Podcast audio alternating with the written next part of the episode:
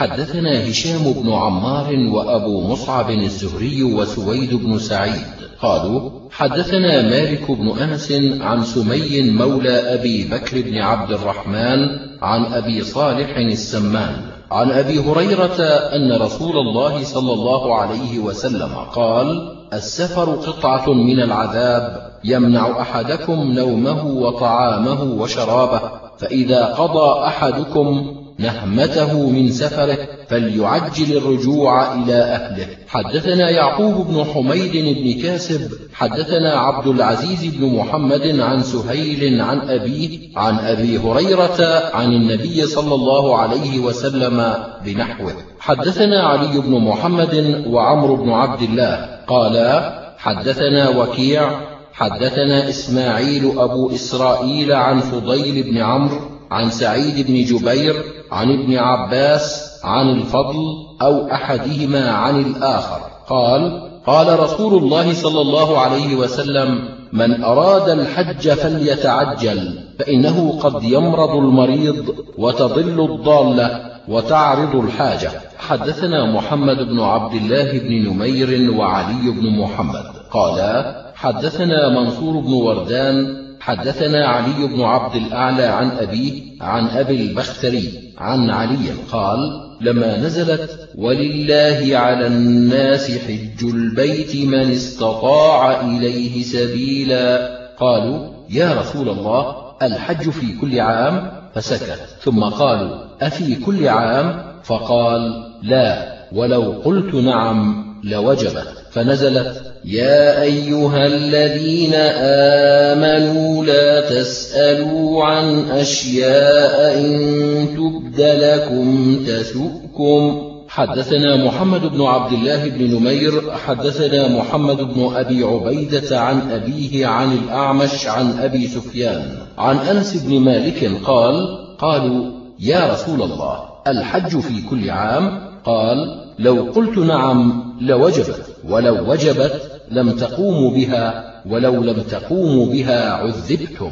حدثنا يعقوب بن إبراهيم الدورقي حدثنا يزيد بن إبراهيم أنبأنا سفيان بن حسين عن الزهري عن أبي سنان عن ابن عباس أن الأقرع بن حابس سأل النبي صلى الله عليه وسلم فقال يا رسول الله الحج في كل سنة أو مرة واحدة؟ قال بل مرة واحدة فمن استطاع فتطوع. حدثنا أبو بكر بن أبي شيبة حدثنا سفيان بن عيينة عن عاصم بن عبيد الله عن عبد الله بن عامر عن أبيه عن عمر عن النبي صلى الله عليه وسلم قال تابعوا بين الحج والعمرة فإن المتابعة بينهما تنفي الفقر والذنوب كما ينفي الكير خبث الحديد. حدثنا أبو بكر بن أبي شيبة حدثنا محمد بن بشر حدثنا عبيد الله بن عمر عن عاصم بن عبيد الله عن عبد الله بن عامر بن ربيعة عن أبيه عن عمر بن الخطاب عن النبي صلى الله عليه وسلم نحوه. حدثنا أبو مصعب حدثنا مالك بن أنس عن سمي مولى أبي بكر بن عبد الرحمن عن أبي صالح السمان. عن أبي هريرة أن النبي صلى الله عليه وسلم قال العمرة إلى العمرة كفارة ما بينهما والحج المبرور ليس له جزاء إلا الجنة. حدثنا أبو بكر بن أبي شيبة حدثنا وكيع عن مسعر وسفيان عن منصور عن أبي حازم عن أبي هريرة قال قال رسول الله صلى الله عليه وسلم من حج هذا البيت فلم يرفث ولم يفسق رجع كما ولدته أمه. حدثنا علي بن محمد حدثنا وكيع عن الربيع بن صبيح عن يزيد بن أبان عن أنس بن مالك قال حج النبي صلى الله عليه وسلم على رحل رث وقطيفة تساوي أربعة دراهم أو لا تساوي. ثم قال اللهم حجة لا رياء فيها ولا سمعة. حدثنا أبو بشر بكر بن خلف حدثنا ابن أبي عدي عن داود بن أبي هند عن أبي العالية. عن ابن عباس قال كنا مع رسول الله صلى الله عليه وسلم بين مكة والمدينة فمررنا بواد فقال أي واد هذا؟ قالوا وادي الأزرق. قال كأني أنظر إلى موسى صلى الله عليه وسلم فذكر من طول شعره شيئا لا يحفظه داود واضعا إصبعيه في أذنيه له جؤار إلى الله بالتلبية مارا بهذا الوادي. قال ثم سرنا حتى أتينا على ثنية فقال أي ثنية هذه؟ قالوا ثنية هرشا أو لفت. قال كأني أنظر إلى يونس على ناقة حمراء عليه جبة صوف وخطام ناقته قلبة مارا بهذا الوادي ملبيا. حدثنا إبراهيم بن المنذر الحزامي حدثنا صالح بن عبد الله بن صالح مولى بني عامر حدثني يعقوب بن يحيى بن عباد بن عبد الله بن الزبير عن أبي صالح السمان. عن أبي هريرة عن رسول الله صلى الله عليه وسلم أنه قال الحجاج والعمار وفد الله إن دعوه أجابهم وإن استغفروه غفر لهم. حدثنا محمد بن طريف حدثنا عمران بن عيينة عن عطاء بن السائب عن مجاهد عن ابن عمر عن النبي صلى الله عليه وسلم قال الغازي في سبيل الله والحاج والمعتمر وفد الله دعاهم فأجابوه وسألوه فأعطاهم. حدثنا أبو بكر بن أبي شيبة حدثنا وكيع عن سفيان عن عاصم بن عبيد الله عن سالم عن ابن عمر عن عمر أنه استأذن النبي صلى الله عليه وسلم في العمرة فأذن له وقال له يا أخي أشركنا في شيء من دعائك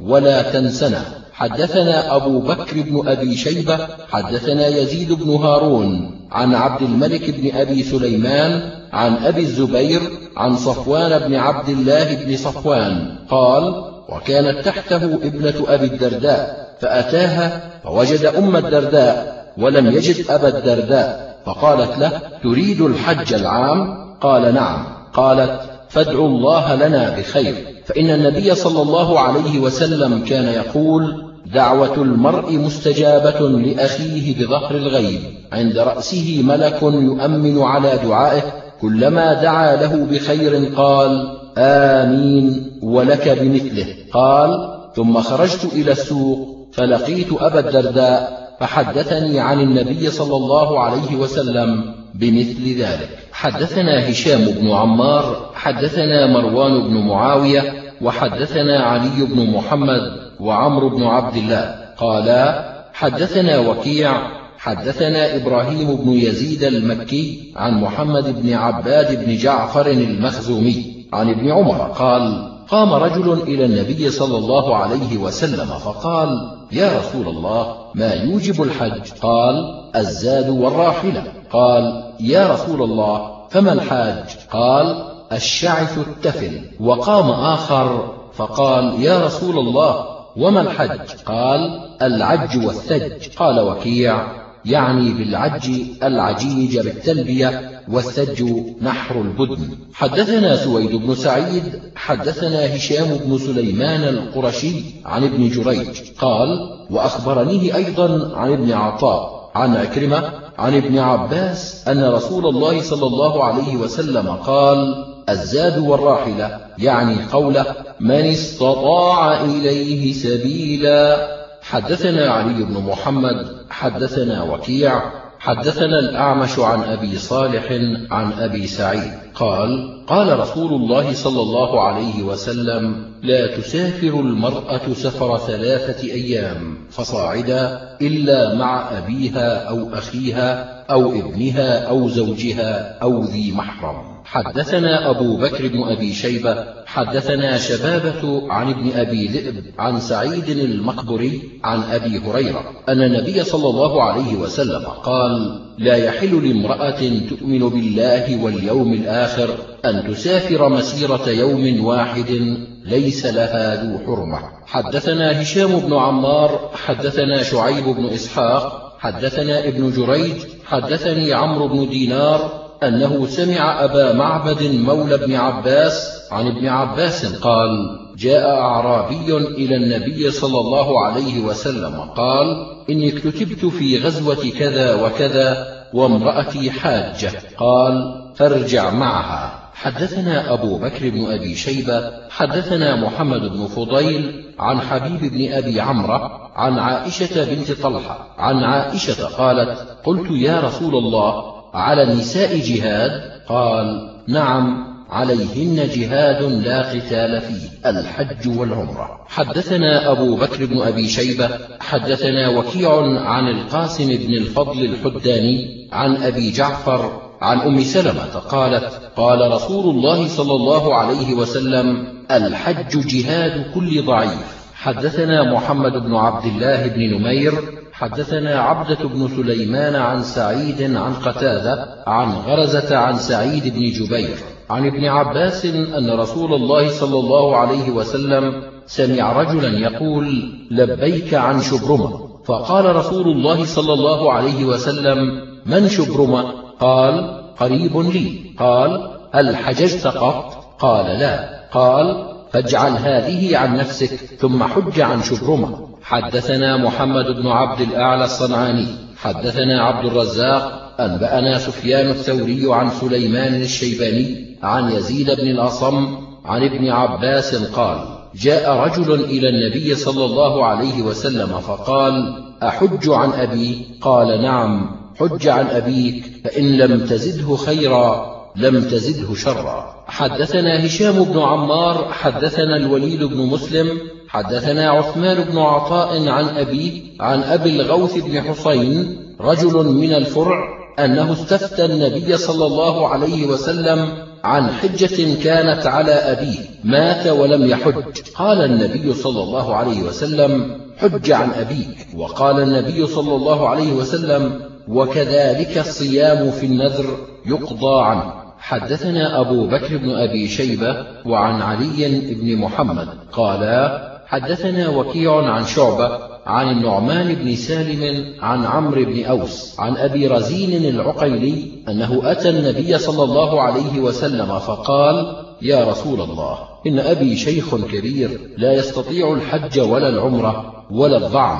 قال حج عن أبيك واعتمر. حدثنا أبو مروان محمد بن عثمان العثماني حدثنا عبد العزيز الدراوردي عن عبد الرحمن بن الحارث بن عياش بن أبي ربيعة المخزومي عن حكيم بن حكيم بن عباد بن حنيف الأنصاري عن نافع بن جبير عن عبد الله بن عباس أن امرأة من خثعم جاءت النبي صلى الله عليه وسلم فقالت يا رسول الله إن أبي شيخ كبير قد أفند وأدركته فريضة الله على عباده في الحج ولا يستطيع أداءها فهل يجزئ عنه أن أؤديها عنه؟ قال رسول الله صلى الله عليه وسلم نعم.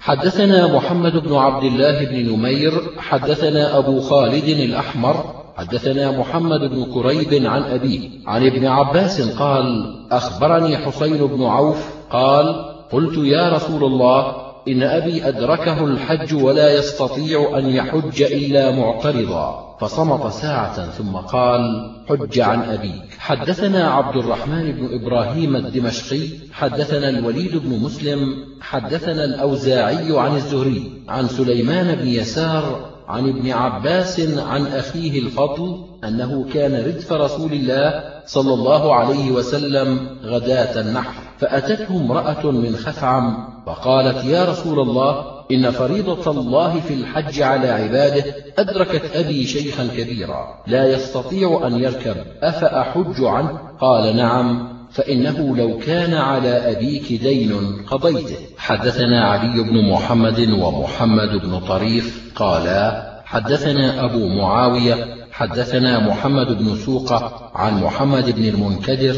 عن جابر بن عبد الله قال رفعت امرأة صبيا لها إلى النبي صلى الله عليه وسلم في حجة فقالت يا رسول الله ألهذا حج؟ قال نعم ولك أجر. حدثنا عثمان بن أبي شيبة حدثنا عبدة بن سليمان عن عبيد الله عن عبد الرحمن بن القاسم عن أبيه عن عائشة قالت نفست أسماء بنت عميس بالشجرة فأمر رسول الله صلى الله عليه وسلم أبا بكر أن يأمرها أن تغتسل وتهل حدثنا أبو بكر بن أبي شيبة حدثنا خالد بن مخلد عن سليمان بن بلال. حدثنا يحيى بن سعيد أنه سمع القاسم بن محمد يحدث عن أبيه عن أبي بكر أنه خرج حاجا مع رسول الله صلى الله عليه وسلم ومعه أسماء بنت عميس فولدت في الشجرة. محمد بن أبي بكر فأتى أبو بكر النبي صلى الله عليه وسلم فأخبره فأمره رسول الله صلى الله عليه وسلم أن يأمرها أن تغتسل ثم تهل بالحج وتصنع ما يصنع الناس إلا أنها لا تطوف بالبيت. حدثنا علي بن محمد حدثنا يحيى بن آدم عن سفيان عن جعفر بن محمد عن أبيه عن جابر قال نفست أسماء بنت عميس بمحمد بن أبي بكر فأرسلت إلى النبي صلى الله عليه وسلم فأمرها أن تغتسل وتستذفر بثوب وتهل. حدثنا أبو مصعب حدثنا مالك بن أنس عن نافع عن ابن عمر أن رسول الله صلى الله عليه وسلم قال يهل أهل المدينة من ذي الحليفة وأهل الشام من الجحفة وأهل نجد من قرن. وقال عبد الله أما هذه الثلاثة فقد سمعتها من رسول الله صلى الله عليه وسلم وبلغني أن رسول الله صلى الله عليه وسلم قال ويهل أهل اليمن من يلملم. حدثنا علي بن محمد حدثنا وكيع حدثنا إبراهيم بن يزيد عن أبي الزبير عن جابر قال خطبنا رسول الله صلى الله عليه وسلم فقال مهل أهل المدينة من ذو الحليفة ومهل أهل الشام من الجحفة ومهل أهل اليمن من يلملم ومهل أهل نجد من قرن ومهل أهل المشرق من ذات عرق. ثم أقبل بوجهه للأفق ثم قال اللهم أقبل بقلوبهم. حدثنا محرز بن سلمة العدني حدثنا عبد العزيز بن محمد الدراوردي حدثني عبيد الله بن عمر عن نافع عن ابن عمر أن رسول الله صلى الله عليه وسلم كان إذا أدخل رجله في الغرز واستوت به راحلته أهل من عند مسجد ذي الحليفة. حدثنا عبد الرحمن بن إبراهيم الدمشقي حدثنا الوليد بن مسلم وعمر بن عبد الواحد قالا حدثنا الأوزاعي عن أيوب بن موسى عن عبد الله بن عبيد بن عمير عن ثابت البناني عن أنس بن مالك قال إني عند تفنات ناقة رسول الله صلى الله عليه وسلم عند الشجرة فلما استوت به قائمة قال لبيك بعمرة وحجة معا وذلك في حجة الوداع. حدثنا علي بن محمد حدثنا أبو معاوية وأبو أسامة وعبد الله بن نمير عن عبيد الله بن عمر عن نافع عن ابن عمر قال تلقفت التلبية من رسول الله صلى الله عليه وسلم وهو يقول لبيك اللهم لبيك لبيك لا شريك لك لبيك إن الحمد والنعمة لك والملك لا شريك لك قال وكان ابن عمر يزيد فيها لبيك لبيك لبيك وسعديك والخير في يديك لبيك والرغباء إليك والعمل. حدثنا زيد بن أخزم حدثنا مؤمل بن إسماعيل حدثنا سفيان عن جعفر بن محمد عن أبيه عن جابر قال كانت تلبية رسول الله صلى الله عليه وسلم لبيك اللهم لبيك لبيك لا شريك لك لبيك إن الحمد والنعمة لك والملك لا شريك لك. حدثنا أبو بكر بن أبي شيبة وعلي بن محمد. قالا حدثنا وكيع حدثنا عبد العزيز بن عبد الله بن أبي سلمة عن عبد الله بن الفضل عن الأعرج. عن أبي هريرة أن رسول الله صلى الله عليه وسلم قال في تلبيته لبيك إله الحق لبيك. حدثنا هشام بن عمار حدثنا إسماعيل بن عياش حدثنا عمارة بن غزية الأنصاري. عن أبي حازم عن سهل بن سعد الساعدي عن رسول الله صلى الله عليه وسلم قال ما من ملب يلبي إلا لبى ما عن يمينه وشماله من حجر أو شجر أو مدر حتى تنقطع الأرض من ها هنا وها هنا. حدثنا أبو بكر بن أبي شيبة حدثنا سفيان بن عيينة عن عبد الله بن أبي بكر عن عبد الملك بن أبي بكر بن عبد الرحمن بن الحارث بن هشام حدثه عن خلاد بن السائب عن أبيه أن النبي صلى الله عليه وسلم قال أتاني جبريل فأمرني أن آمر أصحابي أن يرفعوا أصواتهم بالإهلال. حدثنا علي بن محمد حدثنا وكيع حدثنا سفيان عن عبد الله بن أبي لبيد عن المطلب بن عبد الله بن حنطب عن خلاد بن السائب عن زيد بن خالد الجهني. قال قال رسول الله صلى الله عليه وسلم جاءني جبريل فقال يا محمد مر أصحابك فليرفعوا أصواتهم بالتلبية فإنها من شعار الحج. حدثنا إبراهيم بن المنذر الحزامي ويعقوب بن حميد بن كاسب قالا حدثنا ابن أبي فديك عن الضحاك بن عثمان عن محمد بن المنكدر عن عبد الرحمن بن يربوع عن أبي بكر الصديق أن رسول الله صلى الله عليه وسلم سئل أي الأعمال أفضل؟ قال العج والثلج حدثنا إبراهيم بن المنذر الحزامي حدثنا عبد الله بن نافع وعبد الله بن وهب ومحمد بن فليج قالوا حدثنا عاصم بن عمر بن حفص عن عاصم بن عبيد الله عن عبد الله بن عامر بن ربيعة عن جابر بن عبد الله. قال قال رسول الله صلى الله عليه وسلم ما من محرم يضحى لله يومه يلبي حتى تغيب الشمس إلا غابت بذنوبه فعاد كما ولدته أمه. حدثنا أبو بكر بن أبي شيبة حدثنا سفيان بن عيينة وحدثنا محمد بن رمح أنبأنا الليث بن سعد جميعا عن عبد الرحمن بن القاسم عن أبيه. عن عائشة أنها قالت طيبت رسول الله صلى الله عليه وسلم لإحرامه قبل أن يحرم ولحله قبل أن يفيض. قال سفيان بيدي هاتين. حدثنا علي بن محمد حدثنا وكيع حدثنا الأعمش عن أبي الضحى عن مسروق عن عائشة قالت كأني أنظر إلى وبيص الطيب في مفارق رسول الله صلى الله عليه وسلم وهو يلبي حدثنا إسماعيل بن موسى حدثنا شريك عن أبي إسحاق عن الأسود عن عائشة قالت كأني أرى وبيص الطيب في مفرق رسول الله صلى الله عليه وسلم بعد ثلاثة وهو محرم. حدثنا أبو مصعب حدثنا مالك بن أنس عن نافع عن عبد الله بن عمر أن رجلا سأل النبي صلى الله عليه وسلم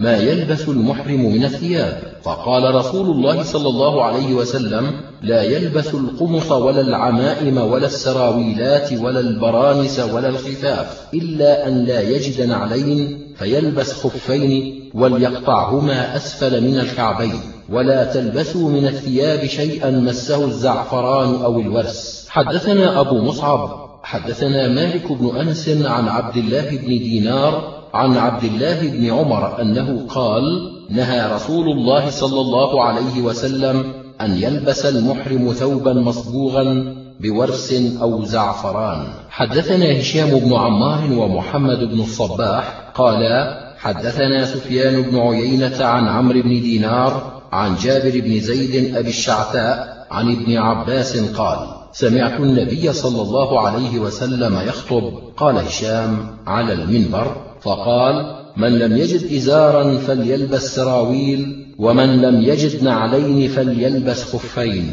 وقال هشام في حديثه فليلبس سراويل إلا أن يفقد. حدثنا أبو مصعب حدثنا مالك بن أنس عن نافع وعن عبد الله بن دينار عن ابن عمر أن رسول الله صلى الله عليه وسلم قال من لم يجد نعلين فليلبس خفين وليقطعهما أسفل من الكعبين. حدثنا أبو بكر بن أبي شيبة حدثنا عبد الله بن إدريس عن محمد بن إسحاق عن يحيى بن عباد بن عبد الله بن الزبير عن أبيه عن أسماء بنت أبي بكر قالت خرجنا مع رسول الله صلى الله عليه وسلم حتى إذا كنا بالعرج نزلنا فجلس رسول الله صلى الله عليه وسلم وعائشة إلى جنبه وأنا إلى جنب أبي بكر وكانت زمالتنا وزمالة أبي بكر واحدة مع غلام أبي بكر. قال فطلع الغلام وليس معه بعيره فقال له أين بعيرك؟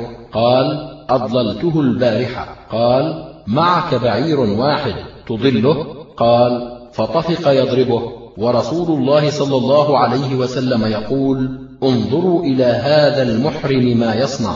حدثنا أبو مصعب حدثنا مالك عن زيد بن أسلم عن إبراهيم بن عبد الله بن حنين عن أبيه أن عبد الله بن عباس والمسور بن مخرمة اختلفا بالأبواب فقال عبد الله بن عباس يغسل المحرم رأسه. وقال المسور لا يغسل المحرم رأسه. فأرسلني ابن عباس إلى أبي أيوب الأنصاري أسأله عن ذلك. فوجدته يغتسل بين القرنين وهو يستتر بثوب فسلمت عليه. فقال من هذا؟ قلت أنا عبد الله بن حنين. أرسلني إليك عبد الله بن عباس أسألك كيف كان رسول الله صلى الله عليه وسلم يغسل رأسه وهو محرم. قال فوضع أبو أيوب يده على الثوب فطأطأه حتى بدا لي رأسه. ثم قال لإنسان يصب عليه أصبب فصب على رأسه ثم حرك رأسه بيديه فأقبل بهما وأدبر. ثم قال هكذا رأيته صلى الله عليه وسلم يفعل. حدثنا أبو بكر بن أبي شيبة حدثنا محمد بن فضيل عن يزيد بن أبي زياد عن مجاهد. عن عائشة قالت كنا مع النبي صلى الله عليه وسلم ونحن محرمون فإذا لقينا الراكب أسدلنا ثيابنا من فوق رؤوسنا فإذا جاوزنا رفعناها. حدثنا علي بن محمد حدثنا عبد الله بن إدريس عن يزيد بن أبي زياد عن مجاهد عن عائشة عن النبي صلى الله عليه وسلم بنحوه. حدثنا محمد بن عبد الله بن نمير حدثنا أبي وحدثنا أبو بكر بن أبي شيبة حدثنا عبد الله بن نمير حدثنا عثمان بن حكيم عن أبي بكر بن عبد الله بن الزبير عن جدته قال لا أدري أسماء بنت أبي بكر أو سعدى بنت عوف أن رسول الله صلى الله عليه وسلم دخل على ضباعة بنت عبد المطلب فقال ما يمنعك يا عمتاه من الحج؟ فقالت أنا امرأة سقيمة وأنا أخاف الحبس. قال فأحرمي واشترطي أن محلك حيث حبست. حدثنا أبو بكر بن أبي شيبة حدثنا محمد بن فضيل ووكيع عن هشام بن عروة عن أبيه عن ضباعة قالت دخل علي رسول الله صلى الله عليه وسلم وأنا شاكية فقال أما تريدين الحج العام؟ قلت إني لعليلة. يا رسول الله. قال حجي وقولي محلي حيث تحبسني حدثنا أبو بشر بكر بن خلف حدثنا أبو عاصم عن ابن جريج أخبرني أبو الزبير أنه سمع طاووسا وعكرمة يحدثان عن ابن عباس قال جاءت ضباعة بنت الزبير بن عبد المطلب رسول الله صلى الله عليه وسلم فقالت إني امرأة ثقيلة وإني أريد الحج فكيف أهل؟ قال أهلي واشترطي أن محلي حيث حبستني. حدثنا أبو كريب حدثنا إسماعيل بن صبيح حدثنا مبارك بن حسان أبو عبد الله عن عطاء بن أبي رباح عن عبد الله بن عباس قال كانت الأنبياء تدخل الحرم مشاة حفاة ويطوفون بالبيت ويقضون المناسك حفاة مشاة. حدثنا علي بن محمد حدثنا أبو معاوية حدثنا عبيد الله بن عمر عن نافع عن ابن عمر أن رسول الله صلى الله عليه وسلم كان يدخل مكة من الثنية العليا وإذا خرج خرج من الثنية السفلى. حدثنا علي بن محمد حدثنا وكيع حدثنا العمري عن نافع عن ابن عمر أن النبي صلى الله عليه وسلم دخل مكة نهارا. حدثنا محمد بن يحيى حدثنا عبد الرزاق أنبأنا معمر عن الزهري عن علي بن الحسين عن عمرو بن عثمان عن أسامة بن زيد. قال قلت يا رسول الله أين تنزل غدا؟ وذلك في حجته. قال وهل ترك لنا عقيل منزلا؟ ثم قال نحن نازلون غدا بخيف بني كنانة يعني المحصب حيث قاسمت قريش على الكفر. وذلك أن بني كنانة حالفت قريشا على بني هاشم أن لا يناكحوهم ولا يبايعوهم. قال معمر قال الزهري والخيف الوادي. حدثنا أبو بكر بن أبي شيبة وعلي بن محمد قالا حدثنا أبو معاوية حدثنا عاصم الأحول عن عبد الله بن سرجس قال رأيت الأصيلع عمر بن الخطاب يقبل الحجر ويقول إني لأقبلك وإني لأعلم أنك حجر لا تضر ولا تنفع ولولا أني رأيت رسول الله صلى الله عليه وسلم يقبلك ما قبلتك. حدثنا سويد بن سعيد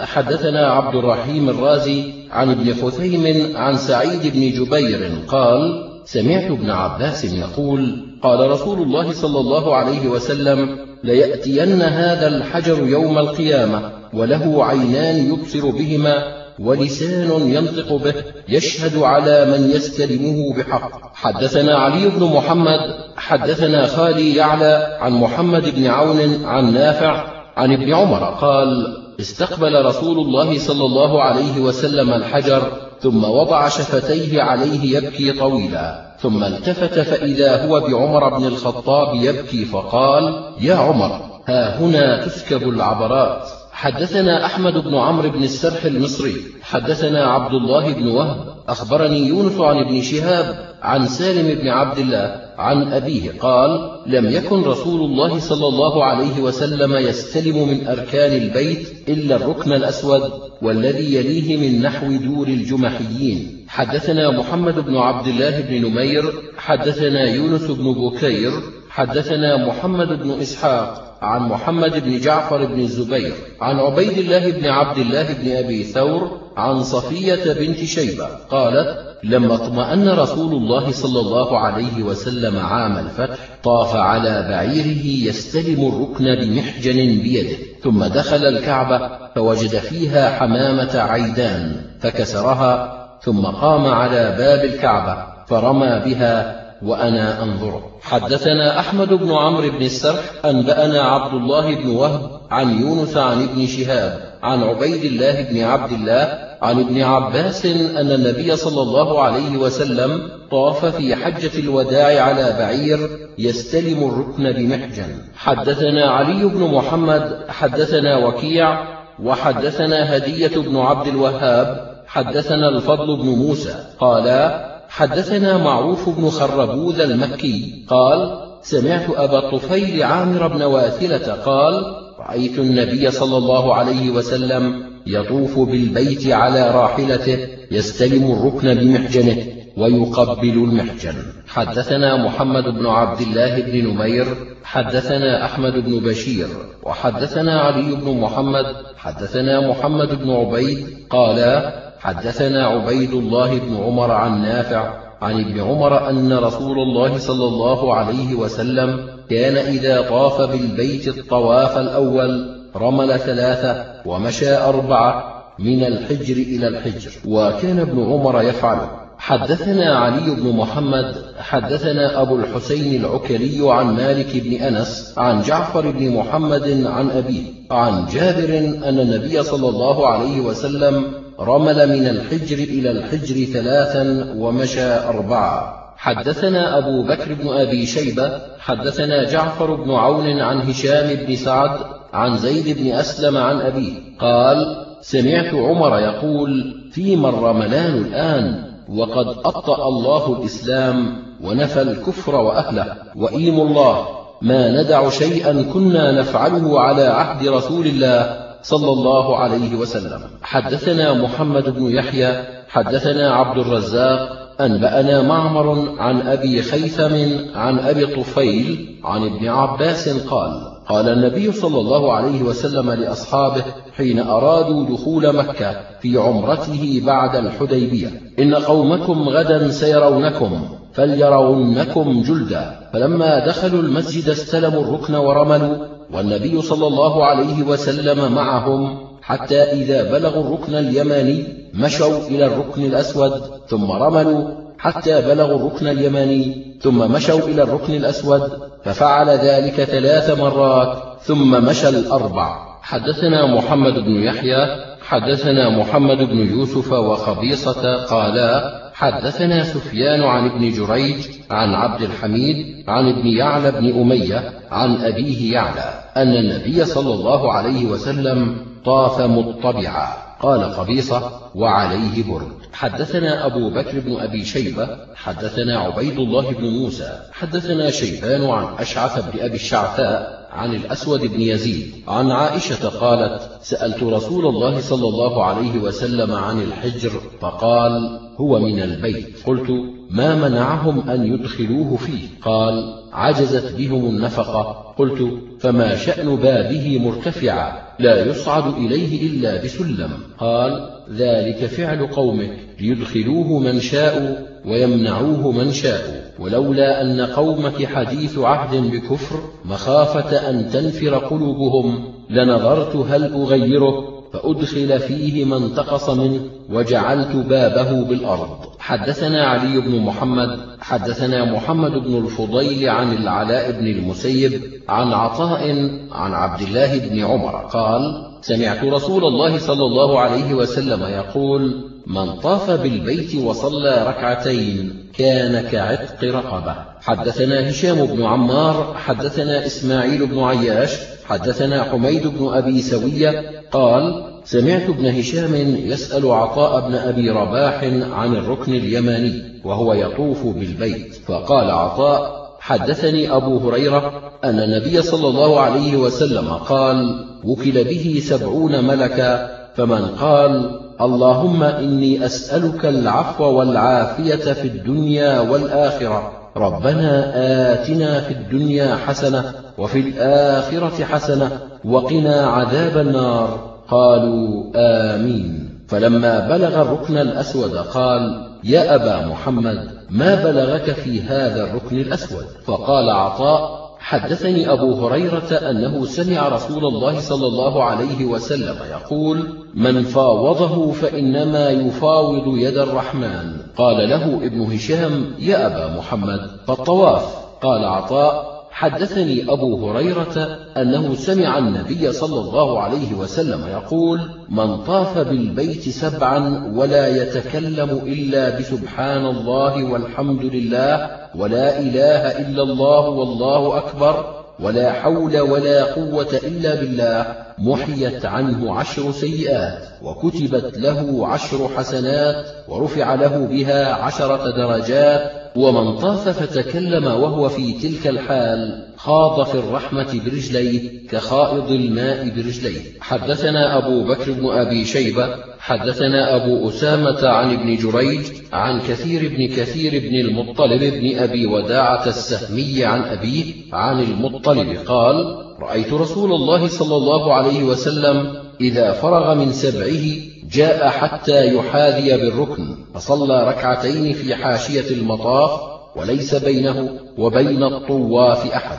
قال ابن ماجه هذا بمكة خاصة. حدثنا علي بن محمد وعمر بن عبد الله. قالا حدثنا وكيع عن محمد بن ثابت العبدي عن عمرو بن دينار عن ابن عمر أن رسول الله صلى الله عليه وسلم قدم فطاف بالبيت سبعا ثم صلى ركعتين. قال وكيع يعني عند المقام. ثم خرج إلى الصفا. حدثنا العباس بن عثمان الدمشقي حدثنا الوليد بن مسلم عن مالك بن أنس عن جعفر بن محمد عن أبيه عن جابر أنه قال لما فرغ رسول الله صلى الله عليه وسلم من طواف البيت أتى مقام إبراهيم فقال عمر يا رسول الله هذا مقام أبينا إبراهيم الذي قال الله سبحانه واتخذوا من مقام إبراهيم مصلى. قال الوليد فقلت لمالك هكذا قرأها واتخذوا من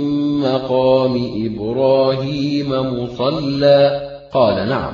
حدثنا أبو بكر بن أبي شيبة حدثنا معل بن منصور وحدثنا إسحاق بن منصور وأحمد بن سنان. قالا حدثنا عبد الرحمن بن مهدي. قال حدثنا مالك بن أنس عن محمد بن عبد الرحمن بن نوفل عن عروة عن زينب عن أم سلمة أنها مرضت فأمرها رسول الله صلى الله عليه وسلم أن تطوف من وراء الناس وهي راكبة. قالت فرأيت رسول الله صلى الله عليه وسلم يصلي إلى البيت وهو يقرأ والطور وكتاب مسطور. قال ابن ماجه هذا حديث أبي بكر. حدثنا محمد بن يحيى حدثنا عبد الرزاق. قال سمعت المثنى بن الصباح يقول حدثني عمرو بن شعيب عن أبيه عن جده. قال طفت مع عبد الله بن عمرو فلما فرغنا من السبع ركعنا في دبر الكعبة فقلت ألا نتعوذ بالله من النار؟ قال أعوذ بالله من النار. قال ثم مضى فاستلم الركن ثم قام بين الحجر والباب فألصق صدره ويديه وخده إليه ثم قال هكذا رأيت رسول الله صلى الله عليه وسلم يفعل. حدثنا أبو بكر بن أبي شيبة وعلي بن محمد قالا حدثنا سفيان بن عيينة عن عبد الرحمن بن القاسم عن أبيه عن عائشة قالت خرجنا مع رسول الله صلى الله عليه وسلم لا نرى إلا الحج فلما كنا بسرف أو قريبا من سرف حط فدخل علي رسول الله صلى الله عليه وسلم وأنا أبكي فقال ما لك؟ أنفست قلت نعم. قال إن هذا أمر كتبه الله على بنات آدم فاقض المناسك كلها غير أن لا تطوفي بالبيت. قالت وضحى رسول الله صلى الله عليه وسلم عن نسائه بالبقر حدثنا هشام بن عمار وأبو مصعب قال حدثنا مالك بن أنس حدثني عبد الرحمن بن القاسم عن أبيه عن عائشة أن رسول الله صلى الله عليه وسلم أفرد الحج. حدثنا أبو مصعب حدثنا مالك بن أنس عن أبي الأسود محمد بن عبد الرحمن بن نوفل وكان يتيما في حجر عروة بن الزبير عن عروة بن الزبير عن عائشة أم المؤمنين أن رسول الله صلى الله عليه وسلم أفرد الحج. حدثنا هشام بن عمار حدثنا عبد العزيز الدراوردي وحاتم بن إسماعيل عن جعفر بن محمد عن أبيه عن جابر أن رسول الله صلى الله عليه وسلم أفرد الحج. حدثنا هشام بن عمار حدثنا القاسم بن عبد الله العمري عن محمد بن المنكدر عن جابر أن رسول الله صلى الله عليه وسلم وأبا بكر وعمر وعثمان أفرد الحج. حدثنا نصر بن علي الجهضمي حدثنا عبد الأعلى بن عبد الأعلى حدثنا يحيى بن أبي إسحاق عن أنس بن مالك قال خرجنا مع رسول الله صلى الله عليه وسلم إلى مكة فسمعته يقول لبيك عمرة وحجة. حدثنا نصر بن علي حدثنا عبد الوهاب حدثنا حميد عن أنس أن النبي صلى الله عليه وسلم قال لبيك بعمرة وحجة. حدثنا أبو بكر بن أبي شيبة وهشام بن عمار قالا حدثنا سفيان بن عيينة عن عبدة بن أبي لبابة قال سمعت أبا وائل شقيق بن سلمة يقول سمعت الصبي بن معبد يقول كنت رجلا نصرانيا فأسلمت فأهللت بالحج والعمرة. فسمعني سلمان بن ربيعة وزيد بن صوحان وأنا أهل بهما جميعا بالقادسية. فقالا لهذا أضل من بعيره فكأنما حملا علي جبلا بكلمتهما فقدمت على عمر بن الخطاب فذكرت ذلك له فأقبل عليهما فلامهما ثم أقبل علي فقال هديت لسنة النبي صلى الله عليه وسلم هديت لسنة النبي صلى الله عليه وسلم. قال هشام في حديثه قال شقيق فكثيرا ما ذهبت أنا ومسروق نسأله عنه. حدثنا علي بن محمد حدثنا وكيع وأبو معاوية وخالي يعلى. قالوا حدثنا الأعمش عن شقيق عن الصبي بن معبد قال كنت حديث عهد بنصرانية فأسلمت فلم آل أن أجتهد فأهللت بالحج والعمرة فذكر نحوه.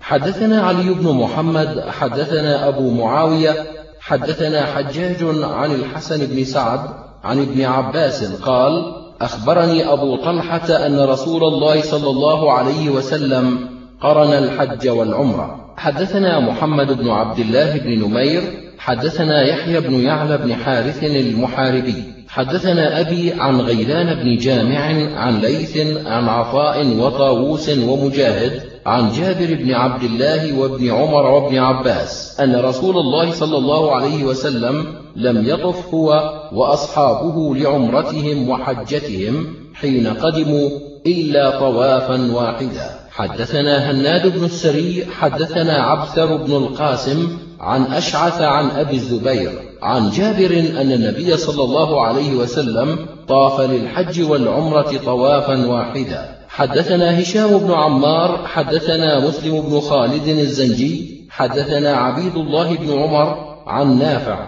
عن ابن عمر أنه قدم قارنا فطاف بالبيت سبعة وسعى بين الصفا والمروة ثم قال هكذا فعل رسول الله صلى الله عليه وسلم. حدثنا محرز بن سلمة حدثنا عبد العزيز بن محمد عن عبيد الله عن نافع عن ابن عمر أن رسول الله صلى الله عليه وسلم قال من أحرم بالحج والعمرة كفى لهما طواف واحد ولم يحل حتى يقضي حجه ويحل منهما جميعا. حدثنا أبو بكر بن أبي شيبة حدثنا محمد بن مصعب وحدثنا عبد الرحمن بن إبراهيم الدمشقي يعني لحيمة حدثنا الوليد بن مسلم قال حدثنا الأوزاعي حدثني يحيى بن أبي كثير حدثني عكرمة قال حدثنا ابن عباس قال حدثني عمر بن الخطاب قال سمعت رسول الله صلى الله عليه وسلم يقول وهو بالعقيق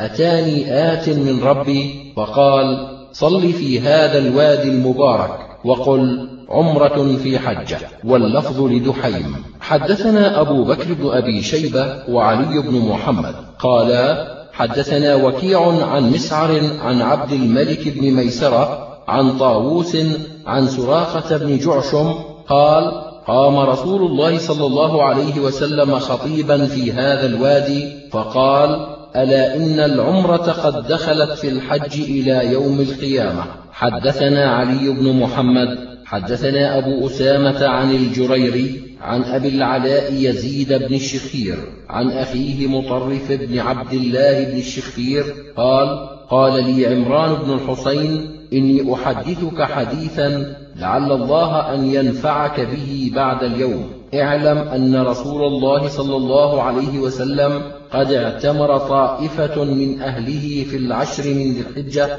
ولم ينه عنه رسول الله صلى الله عليه وسلم ولم ينزل نسخه. قال في ذلك بعد رجل برأيه ما شاء أن يقول حدثنا أبو بكر بن أبي شيبة ومحمد بن بشار. قالا حدثنا محمد بن جعفر وحدثنا نصر بن علي الجهضمي حدثني أبي قالا حدثنا شعبة عن الحكم عن عمارة بن عمير عن إبراهيم بن موسى عن أبي موسى الأشعري أنه كان يفتي بالمتعة فقال له رجل رويدك بعض فتيات فإنك لا تدري ما أحدث أمير المؤمنين. في النسك بعدك حتى لقيته بعد فسألته فقال عمر قد علمت أن رسول الله صلى الله عليه وسلم فعله وأصحابه ولكني كرهت أن يظلوا بهن معرسين تحت الأراك ثم يروحون بالحج تقطر رؤوسهم.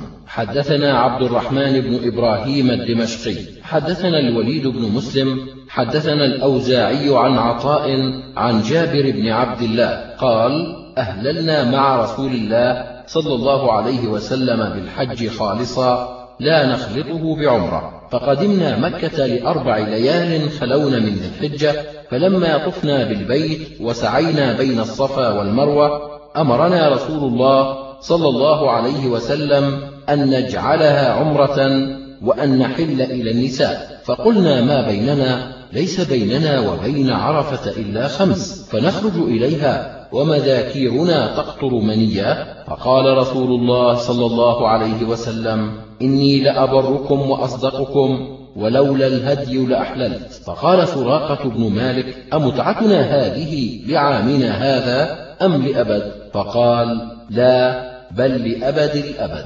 حدثنا أبو بكر بن أبي شيبة حدثنا يزيد بن هارون عن يحيى بن سعيد عن عمرة عن عائشة قالت خرجنا مع رسول الله صلى الله عليه وسلم لخمس بقين من ذي القعدة لا نرى إلا الحج حتى إذا قدمنا ودنونا أمر رسول الله صلى الله عليه وسلم من لم يكن معه هدي أن يحل فحل الناس كلهم إلا من كان معه هدي فلما كان يوم النحر دخل علينا بلحم بقر فقيل ذبح رسول الله صلى الله عليه وسلم عن أزواجه. حدثنا محمد بن الصباح حدثنا أبو بكر بن عياش عن أبي إسحاق عن البراء بن عازب قال خرج علينا رسول الله صلى الله عليه وسلم وأصحابه فأحرمنا بالحج. فلما قدمنا مكة قال اجعلوا حجتكم عمرة. فقال الناس يا رسول الله قد أحرمنا بالحج فكيف نجعلها عمرة؟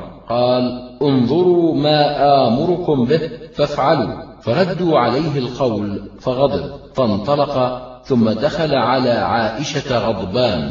فرأت الغضب في وجهه فقالت من أغضبك؟ أغضبه الله. قال وما لي لا أغضب وأنا آمر أمرا فلا أتبع. حدثنا بكر بن خلف أبو بشر. حدثنا أبو عاصم أنبأنا ابن جريج أخبرني منصور بن عبد الرحمن عن أمه صفية عن أسماء بنت أبي بكر قالت خرجنا مع رسول الله صلى الله عليه وسلم محرمين وقال النبي صلى الله عليه وسلم من كان معه هدي فليقم على إحرامه. ومن لم يكن معه هدي فليحلل. قالت ولم يكن معي هدي فأحللت وكان مع الزبير هدي فلم يحل. فلبست ثيابي وجئت إلى الزبير فقال قومي عني. فقلت أتخشى أن أثب عليك؟ حدثنا أبو مصعب. حدثنا عبد العزيز بن محمد الدراوردي عن ربيعة بن أبي عبد الرحمن. عن الحارث بن بلال بن الحارث عن أبيه قال قلت يا رسول الله أرأيت فسخ الحج في العمرة لنا خاصة أم للناس عامة؟ فقال رسول الله صلى الله عليه وسلم بل لنا خاصة. حدثنا علي بن محمد حدثنا أبو معاوية عن الأعمش عن إبراهيم التيمي عن أبيه عن أبي ذر قال كانت المتعة في الحج لأصحاب محمد صلى الله عليه وسلم خاصة. حدثنا أبو بكر بن أبي شيبة حدثنا أبو أسامة عن هشام بن عروة قال أخبرني أبي قال قلت لعائشة ما أرى علي جناحا أن لا أطوف بين الصفا والمروة؟ قالت إن الله يقول إن الصفا والمروة من شعائر الله. فمن حج البيت أو اعتمر فلا جناح عليه أن يطوف بهما. ولو كان كما تقول لكان فلا جناح عليه أن لا يطوف بهما. إنما أنزل هذا في ناس من الأنصار كانوا إذا أهلوا أهلوا لمناة. فلا يحل لهم أن يطوفوا بين الصفا والمروة. فلما قدموا مع النبي صلى الله عليه وسلم في الحج ذكروا ذلك له فأنزلها الله فلعمري ما أتم الله عز وجل حج من لم يطف بين الصفا والمروة. حدثنا أبو بكر بن أبي شيبة وعلي بن محمد قالا حدثنا وكيع حدثنا هشام الدستوائي عن بديل بن ميسرة عن صفية بنت شيبة عن أم ولد شيبة قالت رأيت رسول الله صلى الله عليه وسلم يسعى بين الصفا والمروة وهو يقول لا يقطع الأبطح إلا شدا. حدثنا علي بن محمد وعمر بن عبد الله قالا حدثنا وكيع حدثنا أبي عن عطاء بن السائب عن كثير بن جمهان عن ابن عمر قال إن أسعى بين الصفا والمروة فقد رأيت رسول الله صلى الله عليه وسلم يسعى وإن أمشي فقد رأيت رسول الله صلى الله عليه وسلم يمشي وأنا شيخ كبير. حدثنا هشام بن عمار حدثنا الحسن بن يحيى الخشني حدثنا عمر بن قيس أخبرني طلحة بن يحيى عن عمه إسحاق بن طلحة عن طلحة بن عبيد الله أنه سمع رسول الله صلى الله عليه وسلم يقول الحج جهاد والعمرة تطوع. حدثنا محمد بن عبد الله بن نمير حدثنا يعلى حدثنا إسماعيل. سمعت عبد الله بن أبي أوفى يقول كنا مع رسول الله صلى الله عليه وسلم حين اعتمر فطاف وطفنا معه وصلى وصلينا معه. وكنا نستره من أهل مكة لا يصيبه أحد بشيء.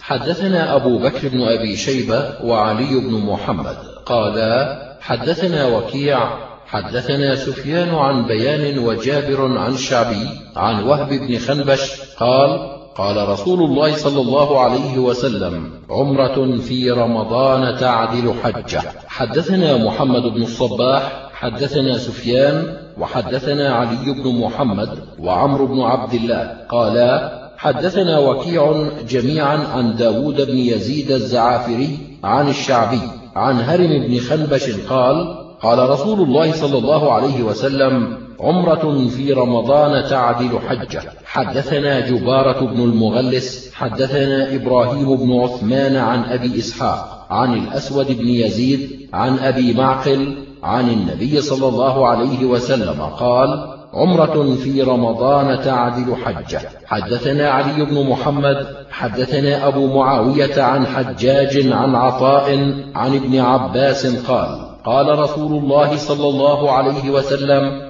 عمرة في رمضان تعدل حجة. حدثنا أبو بكر بن أبي شيبة حدثنا أحمد بن عبد الملك بن واقد حدثنا عبيد الله بن عمرو عن عبد الكريم عن عطاء عن جابر أن النبي صلى الله عليه وسلم قال عمرة في رمضان تعدل حجة. حدثنا عثمان بن أبي شيبة حدثنا يحيى بن زكريا بن أبي زائدة عن ابن أبي ليلى عن عطاء عن ابن عباس قال لم يعتمر رسول الله صلى الله عليه وسلم إلا في ذي القعدة. حدثنا أبو بكر بن أبي شيبة حدثنا عبد الله بن نمير عن الأعمش عن مجاهد عن حبيب عن عروة. عن عائشة قالت لم يعتمر رسول الله صلى الله عليه وسلم عمرة إلا في ذي القعدة. حدثنا أبو كريب حدثنا يحيى بن آدم عن أبي بكر بن عياش عن الأعمش عن حبيب يعني ابن أبي ثابت عن عروة قال سئل ابن عمر في أي شهر اعتمر رسول الله صلى الله عليه وسلم. قال في رجب. فقالت عائشة ما اعتمر رسول الله صلى الله عليه وسلم في رجب قط وما اعتمر إلا وهو معه تعني ابن عمر. حدثنا أبو بكر بن أبي شيبة وأبو إسحاق الشافعي إبراهيم بن محمد بن العباس بن عثمان بن شافع قالا حدثنا سفيان بن عيينة عن عمرو بن دينار أخبرني عمرو بن أوس حدثني عبد الرحمن بن أبي بكر أن النبي صلى الله عليه وسلم أمره أن يردف عائشة فيعمرها من التنعيم. حدثنا أبو بكر بن أبي شيبة حدثنا عبدة بن سليمان عن هشام بن عروة عن أبيه عن عائشة قالت خرجنا مع رسول الله صلى الله عليه وسلم في حجة الوداع نوافي هلال ذي الحجة. فقال رسول الله صلى الله عليه وسلم من أراد منكم أن يهل بعمرة فليهلل فلولا أني أهديت لأهللت بعمرة. قالت فكان من القوم من أهل بعمرة ومنهم من أهل بحج فكنت أنا ممن أهل بعمرة. قالت فخرجنا حتى قدمنا مكة فأدركني يوم عرفة وأنا حائض لم أحل من عمرتي فشكوت ذلك إلى النبي صلى الله عليه وسلم فقال دعي عمرتك وانقضي رأسك وامتشطي وأهلي بالحج. قالت ففعلت فلما كانت ليلة الحصبة وقد قضى الله حجنا أرسل معي عبد الرحمن بن أبي بكر فأردفني وخرج إلى التنعيم فأحللت بعمرة فقضى الله حجنا وعمرتنا ولم يكن في ذلك هدي ولا صدقة ولا صوم. حدثنا أبو بكر بن أبي شيبة حدثنا عبد الأعلى بن عبد الأعلى عن محمد بن إسحاق حدثني سليمان بن سحيم عن أم حكيم بنت أمية عن أم سلمة أن رسول الله صلى الله عليه وسلم قال من أهل بعمرة من بيت المقدس غفر له. حدثنا محمد بن المصفى الحمصي حدثنا أحمد بن خالد حدثنا محمد بن إسحاق عن يحيى بن أبي سفيان عن أمه أم حكيم بنت أمية عن أم سلمة زوج النبي صلى الله عليه وسلم قالت قال رسول الله صلى الله عليه وسلم من أهل بعمرة من بيت المقدس كانت له كفارة لما قبلها من الذنوب قالت فخرجت أي من بيت المقدس بعمرة. حدثنا أبو إسحاق الشافعي إبراهيم بن محمد حدثنا داود بن عبد الرحمن عن عمرو بن دينار عن عكرمة عن ابن عباس قال اعتمر رسول الله صلى الله عليه وسلم أربع عمر عمرة الحديبية وعمرة القضاء من قابل والثالثة من الجعرانة والرابعة التي مع حجته. حدثنا علي بن محمد حدثنا أبو معاوية عن إسماعيل عن عطاء عن ابن عباس أن رسول الله صلى الله عليه وسلم صلى بمنى يوم التروية الظهر والعصر والمغرب والعشاء والفجر ثم غدا إلى عرفة. حدثنا محمد بن يحيى حدثنا عبد الرزاق أنبأنا عبد الله بن عمر عن نافع عن ابن عمر أنه كان يصلي الصلوات الخمس بمنى ثم يخبرهم أن رسول الله صلى الله عليه وسلم كان يفعل ذلك. حدثنا أبو بكر بن أبي شيبة حدثنا وكيع عن إسرائيل عن إبراهيم بن مهاجر عن يوسف بن ماهك عن أمه عن عائشة قالت قلت يا رسول الله ألا نبني لك بمنى بيتا قال لا من مناخ من سبق. حدثنا علي بن محمد وعمر بن عبد الله قالا حدثنا وكيع عن إسرائيل عن إبراهيم بن مهاجر عن يوسف بن ماهك عن أمه مسيكة عن عائشة قالت قلنا يا رسول الله ألا نبني لك بمنى بيتا يظلك قال لا من المناخ من سبق. حدثنا محمد بن أبي عمر العدني حدثنا سفيان بن عيينة عن محمد بن عقبة عن محمد بن أبي بكر عن أنس قال غدونا مع رسول الله صلى الله عليه وسلم في هذا اليوم من منى إلى عرفة فمنا من يكبر ومنا من يهل فلم يعب هذا على هذا ولا هذا على هذا. وربما قال هؤلاء على هؤلاء ولا هؤلاء على هؤلاء. حدثنا علي بن محمد وعمرو بن عبد الله. قال حدثنا وكيع أنبأنا نافع بن عمر الجمحي عن سعيد بن حسان عن ابن عمر أن رسول الله صلى الله عليه وسلم كان ينزل بعرفة في وادي نمرة. قال فلما قتل الحجاج بن الزبير أرسل إلى ابن عمر أي ساعة كان النبي صلى الله عليه وسلم يروح في هذا اليوم؟ قال إذا كان ذلك رحنا فأرسل الحجاج رجلا ينظر إلى ساعة يرتحل. فلما أراد ابن عمر أن يرتحل قال أزاغت الشمس؟ قالوا لم تزغ بعد. فجلس ثم قال أزاغت الشمس؟ قالوا لم تزغ بعد. فجلس ثم قال أزاغت الشمس؟ قالوا لم تزغ بعد. فجلس ثم قال أزاغت الشمس؟ قالوا نعم. فلما قالوا قد زاغت ارتحل. قال وكيع يعني راح. حدثنا علي بن محمد حدثنا يحيى بن آدم عن سفيان عن عبد الرحمن بن عياش عن زيد بن علي عن أبيه عن عبيد الله بن أبي رافع عن علي قال وقف رسول الله صلى الله عليه وسلم بعرفة فقال هذا الموقف وعرفة كلها موقف. حدثنا أبو بكر بن أبي شيبة حدثنا سفيان بن عيينة عن عمرو بن دينار عن عمرو بن عبد الله بن صفوان عن يزيد بن شيبان قال كنا وقوفا في مكان تباعده من الموقف فأتانا ابن مربع فقال إني رسول رسول الله صلى الله عليه وسلم إليكم يقول كونوا على مشاعركم فإنكم اليوم على إرث من إرث إبراهيم. حدثنا هشام بن عمار حدثنا القاسم بن عبد الله العمري حدثنا محمد بن المنكدر عن جابر بن عبد الله قال قال رسول الله صلى الله عليه وسلم كل عرفة موقف وارتفعوا عن بطن عرفة وكل المزدلفة موقف وارتفعوا عن بطن محسر وكل من منحر إلا ما وراء العقبة. حدثنا أيوب بن محمد الهاشمي حدثنا عبد القاهر بن السري السلمي حدثنا عبد الله بن كنانة بن عباس بن مرداس السلمي أن أباه أخبره عن أبيه أن النبي صلى الله عليه وسلم دعا لأمته عشية عرفة بالمغفرة فأجيب إني قد غفرت لهم ما خلا الظالم فإني آخذ للمظلوم منه. قال أي ربي إن شئت أعطيت المظلوم من الجنة وغفرت للظالم فلم يجب عشيته فلما أصبح بالمزدلفة أعاد الدعاء فأجيب إلى ما سأل. قال فضحك رسول الله صلى الله عليه وسلم أو قال تبسم.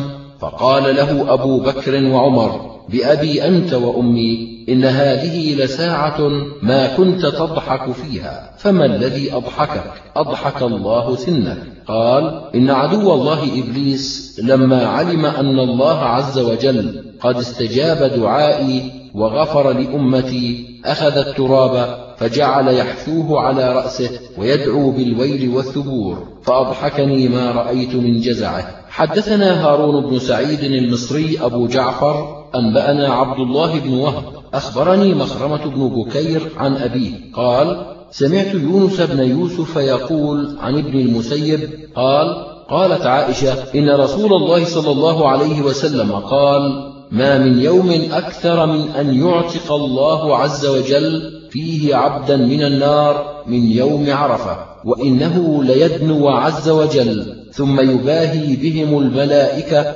فيقول ما أراد هؤلاء؟ حدثنا أبو بكر بن أبي شيبة وعلي بن محمد قالا حدثنا وكيع حدثنا سفيان عن بكير بن عطاء سمعت عبد الرحمن بن يعمر الديلي قال شهدت رسول الله صلى الله عليه وسلم وهو واقف بعرفة وأتاه ناس من أهل نجد فقالوا يا رسول الله كيف الحج؟ قال الحج عرفة فمن جاء قبل صلاة الفجر ليلة جمع فقد تم حجه أيام من ثلاثة فمن تعجل في يومين فلا إثم عليه ومن تأخر فلا إثم عليه. ثم أردف رجلا خلفه فجعل ينادي بهن حدثنا محمد بن يحيى حدثنا عبد الرزاق أنبأنا الثوري عن بكير بن عطاء الليثي عن عبد الرحمن بن يعمر الديلي قال أتيت رسول الله صلى الله عليه وسلم بعرفة فجاءه نفر من أهل نجد فذكر نحوه.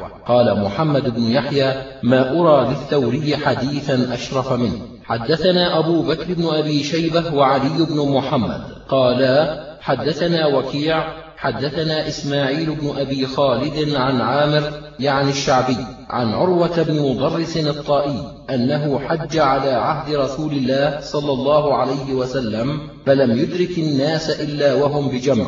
قال فأتيت النبي صلى الله عليه وسلم فقلت يا رسول الله إني أمضيت راحلتي وأتعبت نفسي والله إن تركت من حبل إلا وقفت عليه فهل لي من حج؟ فقال النبي صلى الله عليه وسلم من شهد معنا الصلاة وأفاض من عرفات ليلا أو نهارا فقد قضى تفثه وتم حجه. حدثنا علي بن محمد وعمرو بن عبد الله قالا حدثنا وكيع حدثنا هشام بن عروة عن أبيه عن أسامة بن زيد أنه سئل كيف كان رسول الله صلى الله عليه وسلم يسير حين دفع عن عرفة؟ قال كان يسير العنق فإذا وجد فجوة النص قال وكيع يعني فوق العنق. حدثنا محمد بن يحيى حدثنا عبد الرزاق أنبأنا الثوري عن هشام بن عروة عن أبيه. عن عائشة قالت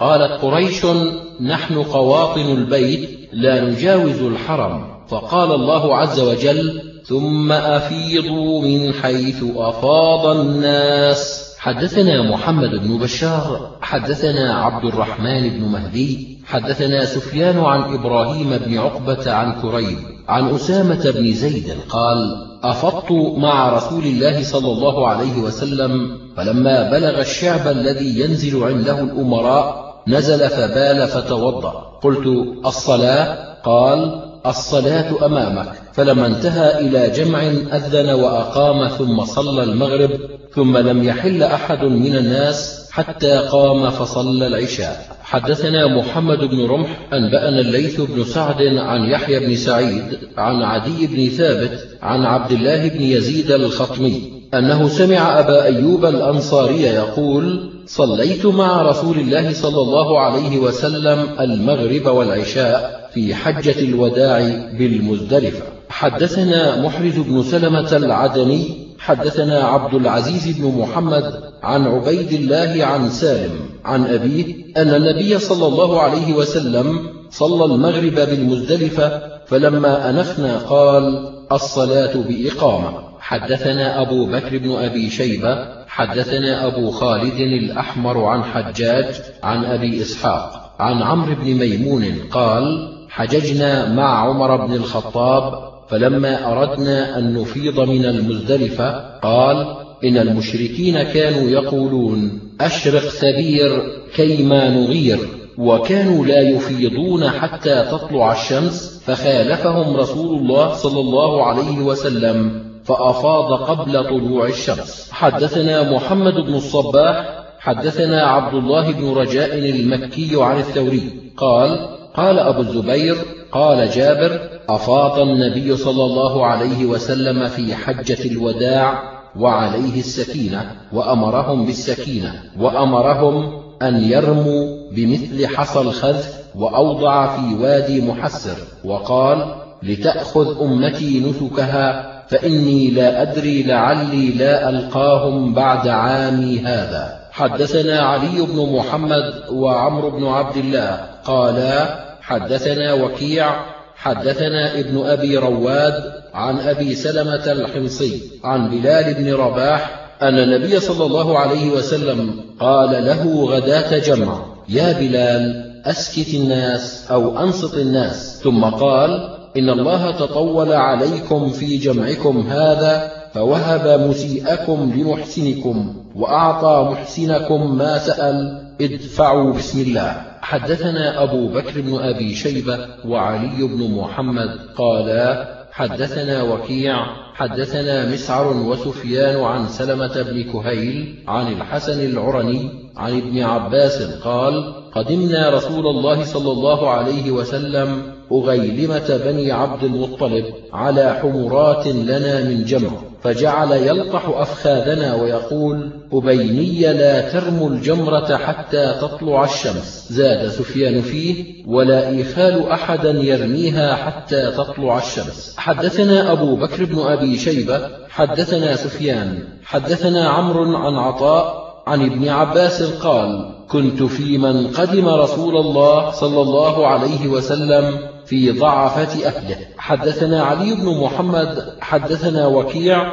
حدثنا سفيان عن عبد الرحمن بن القاسم عن أبيه أن سودة بنت زمعة كانت امرأة ثبطة فاستأذنت رسول الله صلى الله عليه وسلم أن تدفع من جمع قبل دفعة الناس فأذن لها. حدثنا أبو بكر بن أبي شيبة حدثنا علي بن مسهر عن يزيد بن أبي زياد عن سليمان بن عمرو بن الأحوص عن أمه قالت رأيت النبي صلى الله عليه وسلم يوم النحر عند جمرة العقبة وهو راكب على بغلة فقال يا أيها الناس إذا رميتم الجمرة فارموا بمثل حصى الخذف. حدثنا علي بن محمد حدثنا أبو أسامة عن عوف عن زياد بن الحسين عن أبي العالية عن ابن عباس قال قال رسول الله صلى الله عليه وسلم غداة العقبة وهو على ناقته ألقط لي حصى. فلقطت له سبع حصيات هن حصى الخذف فجعل ينفضهن في كفه ويقول أمثال هؤلاء فرموا. ثم قال يا أيها الناس إياكم والغلو في الدين فإنه أهلك من كان قبلكم الغلو في الدين. حدثنا علي بن محمد حدثنا وكيع عن المسعودي عن جامع بن شداد عن عبد الرحمن بن يزيد. قال لما أتى عبد الله بن مسعود جمرة العقبة استبطن الوادي واستقبل الكعبة وجعل الجمرة على حاجبه الأيمن ثم رمى بسبع حصيات يكبر مع كل حصى ثم قال منها هنا والذي لا إله غيره رمى الذي أنزلت عليه سورة البقرة. حدثنا أبو بكر بن أبي شيبة حدثنا علي بن مسهر عن يزيد بن أبي زياد عن سليمان بن عمرو بن الأحوص عن أمه قالت رأيت النبي صلى الله عليه وسلم يوم النحر عند جمرة العقبة استبطن الوادي فرمى الجمرة بسبع حصيات يكبر مع كل حصاة ثم انصرف. حدثنا أبو بكر بن أبي شيبة حدثنا عبد الرحيم بن سليمان عن يزيد بن أبي زياد عن سليمان بن عمرو بن الأحوص عن أم جندب عن النبي صلى الله عليه وسلم بنحوه. حدثنا عثمان بن أبي شيبة حدثنا طلحة بن يحيى عن يونس بن يزيد عن الزهري عن سالم عن ابن عمر أنه رمى جمرة العقبة ولم يقف عندها وذكر أن النبي صلى الله عليه وسلم فعل مثل ذلك. حدثنا سويد بن سعيد حدثنا علي بن مسهر عن الحجاج عن الحكم بن عتيبة عن مقسم عن ابن عباس قال كان رسول الله صلى الله عليه وسلم إذا رمى جمرة العقبة مضى ولم يقف. حدثنا أبو بكر بن أبي شيبة حدثنا أبو خالد الأحمر عن حجاج عن الحكم عن مقسم.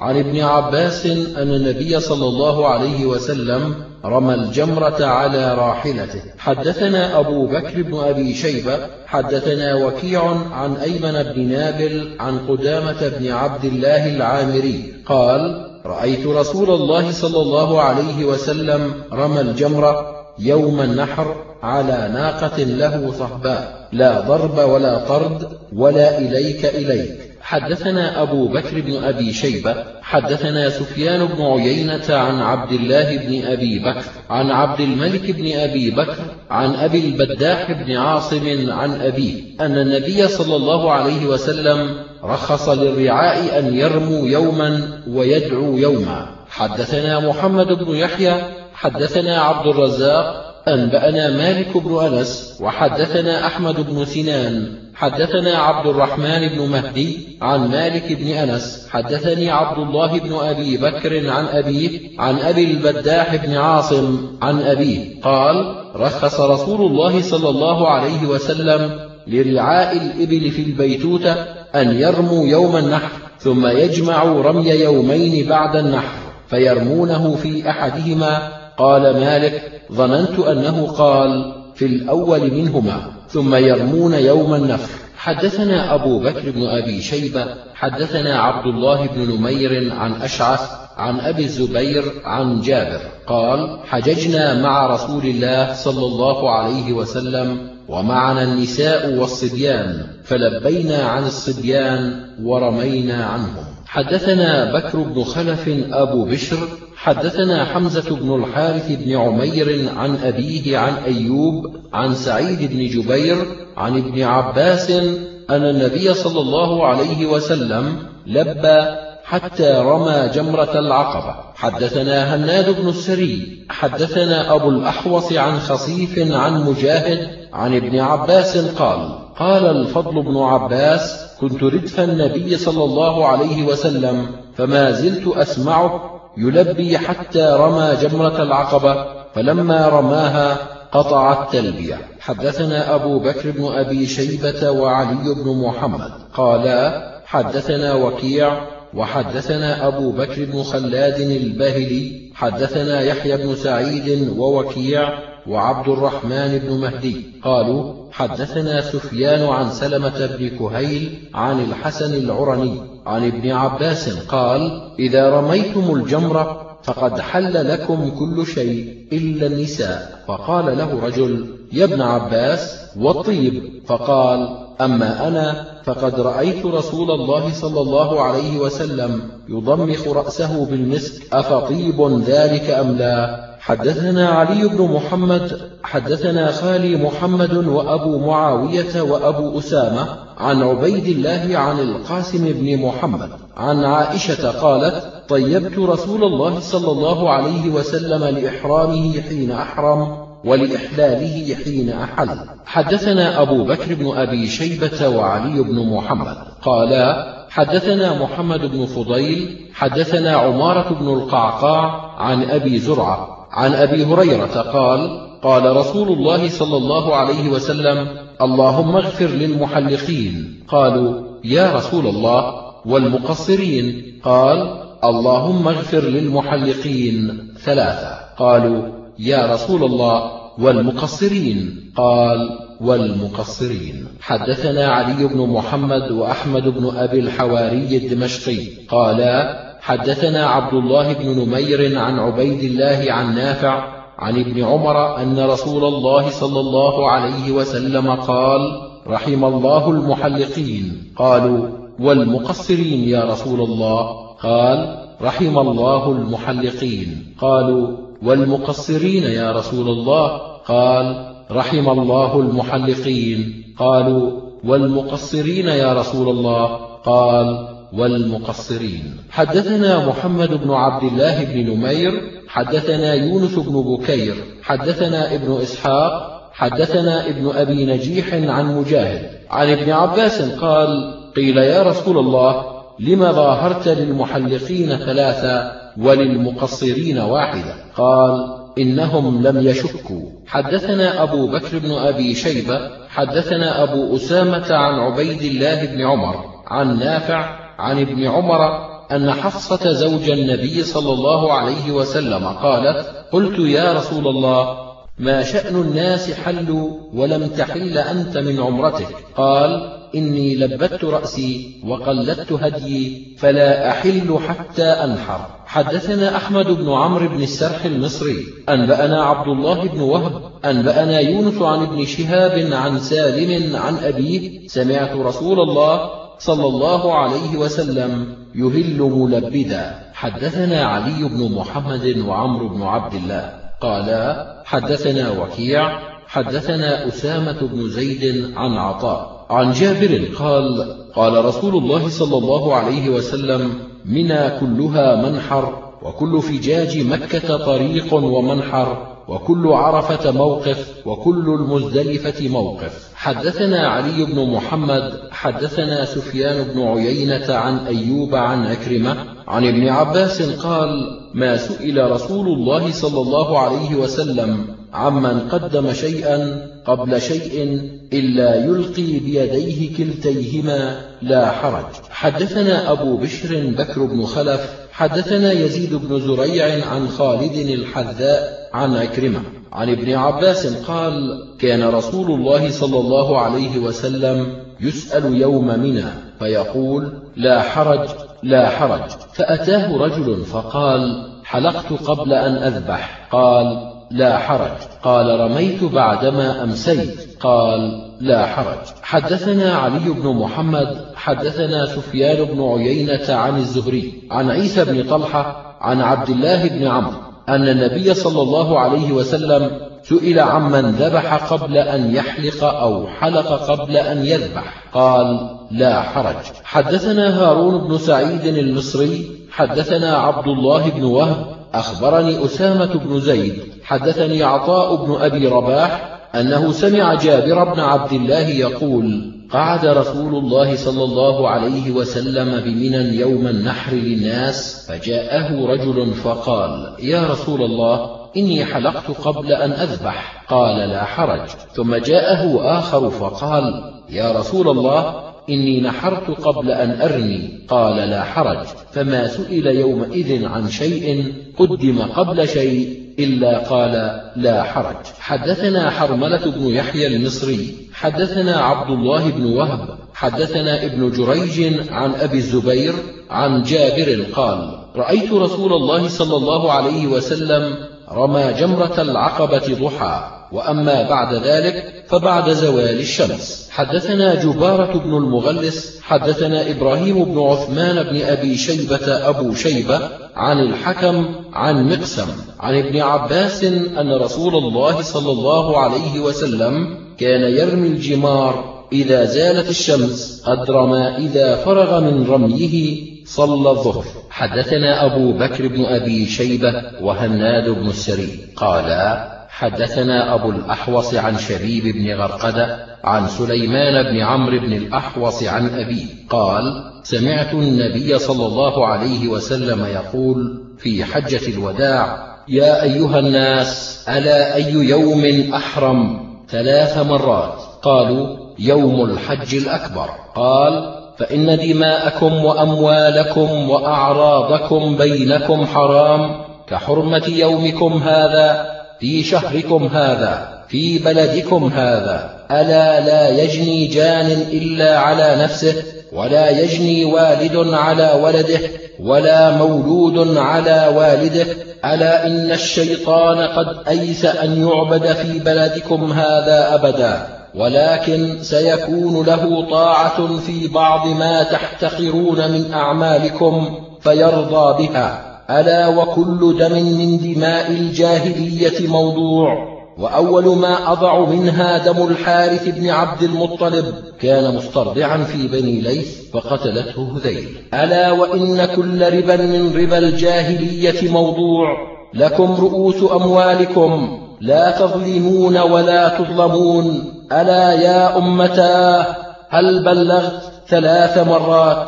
قالوا نعم. قال اللهم اشهد ثلاث مرات. حدثنا محمد بن عبد الله بن نمير حدثنا أبي عن محمد بن إسحاق عن عبد السلام عن الزهري عن محمد بن جبير بن مطعم عن أبيه. قال قام رسول الله صلى الله عليه وسلم بالخيف من منى فقال نضر الله امرئا سمع مقالتي فبلغها فرب حامل فقه غير فقيه ورب حامل فقه إلى من هو أفقه منه.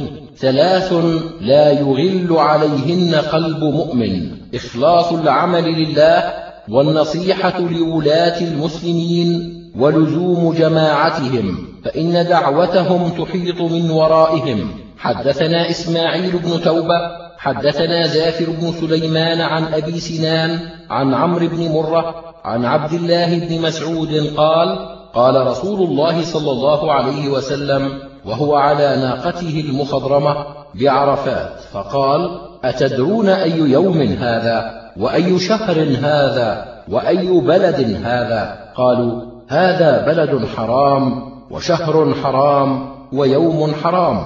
قال ألا وإن أموالكم ودماءكم عليكم حرام كحرمة شهركم هذا في بلدكم هذا في يومكم هذا. ألا وإني فرطكم على الحوض وأكاثر بكم الأمم فلا تسودوا وجهي. ألا وإني مستنقذ أناسا ومستنقذ مني أناس فأقول يا ربي أصيحابي فيقول إنك لا تدري ما أحدثوا بعدك. حدثنا هشام بن عمار حدثنا صدقة بن خالد حدثنا هشام بن الغاز قال سمعت نافعا يحدث عن ابن عمر أن رسول الله صلى الله عليه وسلم وقف يوم النحر بين الجمرات في الحجة التي حج فيها. فقال النبي صلى الله عليه وسلم أي يوم هذا؟ قالوا يوم النحر.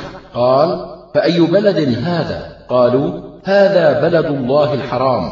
قال فأي شهر هذا؟ قالوا شهر الله الحرام. قال هذا يوم الحج الأكبر. ودماؤكم وأموالكم وأعراضكم عليكم حرام. كحرمة هذا البلد في هذا الشهر في هذا اليوم. ثم قال هل بلغت؟ قالوا نعم. فطفق النبي صلى الله عليه وسلم يقول اللهم اشهد. ثم ودع الناس فقالوا هذه حجة الوداع. حدثنا بكر بن خلف أبو بشر حدثنا يحيى بن سعيد حدثنا سفيان.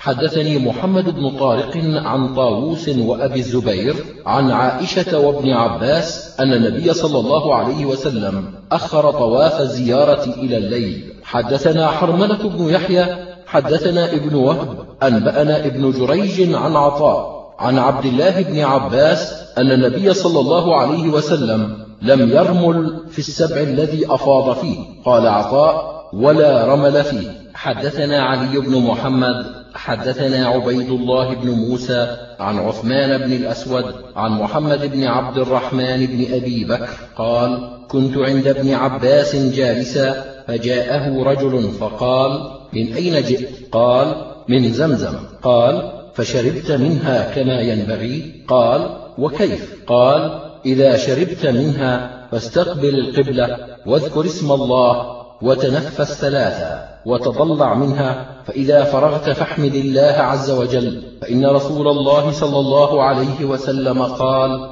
إن آية ما بيننا وبين المنافقين إنهم لا يتضلعون من زمزم. حدثنا هشام بن عمار حدثنا الوليد بن مسلم قال قال عبد الله بن المؤمل إنه سمع أبا الزبير يقول سمعت جابر بن عبد الله يقول سمعت رسول الله صلى الله عليه وسلم يقول ماء زمزم لما شرب له. حدثنا عبد الرحمن بن إبراهيم الدمشقي حدثنا عمر بن عبد الواحد عن الأوزاعي حدثني حسان بن عطية حدثني نافع عن ابن عمر قال دخل رسول الله صلى الله عليه وسلم يوم الفتح الكعبة ومعه بلال وعثمان بن شيبة فأغلقوها عليهم من داخل فلما خرجوا سألت بلالا أين صلى رسول الله صلى الله عليه وسلم؟ فأخبرني أنه صلى على وجهه حين دخل بين العمودين عن يمينه ثم لمت نفسي أن لا أكون سألته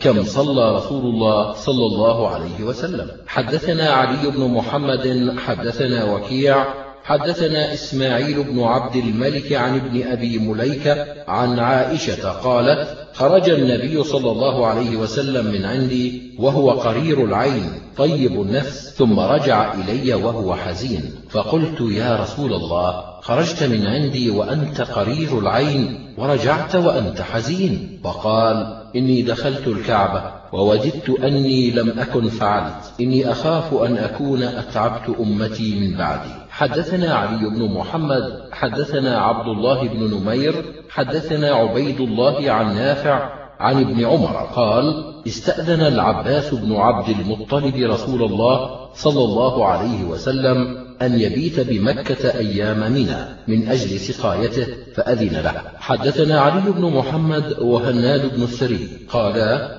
حدثنا أبو معاوية عن إسماعيل بن مسلم عن عطاء عن ابن عباس قال لم يرخص النبي صلى الله عليه وسلم لأحد يبيت بمكة إلا للعباس من أجل السقاية. حدثنا هناد بن السري حدثنا ابن أبي زائدة وعبدة ووكيع وأبو معاوية وحدثنا علي بن محمد حدثنا وكيع وأبو معاوية وحدثنا أبو بكر بن أبي شيبة حدثنا حفص بن غياث كلهم عن هشام بن عروة عن أبيه عن عائشة قالت إن نزول الأبطح ليس بسنة إنما نزله رسول الله صلى الله عليه وسلم ليكون أسمح بخروجه حدثنا أبو بكر بن أبي شيبة حدثنا معاوية بن هشام عن عمار بن زريق عن الأعمش عن إبراهيم عن الأسود عن عائشة قالت ادلج النبي صلى الله عليه وسلم ليلة النفر من البطحاء الدلاجة. حدثنا محمد بن يحيى حدثنا عبد الرزاق أنبأنا عبيد الله عن نافع عن ابن عمر قال كان رسول الله صلى الله عليه وسلم وأبو بكر وعمر وعثمان ينزلون بالأبطح. حدثنا هشام بن عمار حدثنا سفيان بن عيينة عن سليمان عن طاووس عن ابن عباس قال كان الناس ينصرفون كل وجه فقال رسول الله صلى الله عليه وسلم لا ينفرن أحد حتى يكون آخر عهده بالبيت. حدثنا علي بن محمد حدثنا وكيع حدثنا إبراهيم بن يزيد عن طاووس عن ابن عمر قال نهى رسول الله صلى الله عليه وسلم أن ينفر الرجل حتى يكون آخر عهده بالبيت. حدثنا أبو بكر بن أبي شيبة حدثنا سفيان بن عيينة عن الزهري عن عروة عن عائشة. وحدثنا محمد بن رمح أنبأنا الليث بن سعد عن ابن شهاب عن أبي سلمة وعروة عن عائشة قالت حاضت صفية بنت حيي بعدما أفاضت قالت عائشة فذكرت ذلك لرسول الله صلى الله عليه وسلم فقال أحابستنا هي؟ فقلت إنها قد أفاضت ثم حاضت بعد ذلك. قال رسول الله صلى الله عليه وسلم فلتنفر. حدثنا أبو بكر بن أبي شيبة وعلي بن محمد قالا حدثنا أبو معاوية حدثنا الأعمش عن إبراهيم عن الأسود عن عائشة قالت ذكر رسول الله صلى الله عليه وسلم صفية فقلنا قد حاضت. فقال عقرى حلقة ما أراها إلا حابستنا. فقلت يا رسول الله إنها قد طافت يوم النحر. قال فلا إذن مروها فلتنفر. حدثنا هشام بن عمار حدثنا حاتم بن إسماعيل حدثنا جعفر بن محمد عن أبيه قال دخلنا على جابر بن عبد الله فلما انتهينا إليه سأل عن القوم حتى انتهى إلي فقلت أنا محمد بن علي بن الحسين فأهوى بيده إلى رأسي فحل زر الأعلى ثم حل زر الأسفل ثم وضع كفه بين ثديي وأنا يومئذ غلام شاب فقال مرحبا بك. سل عما شئت. فسألته وهو أعمى.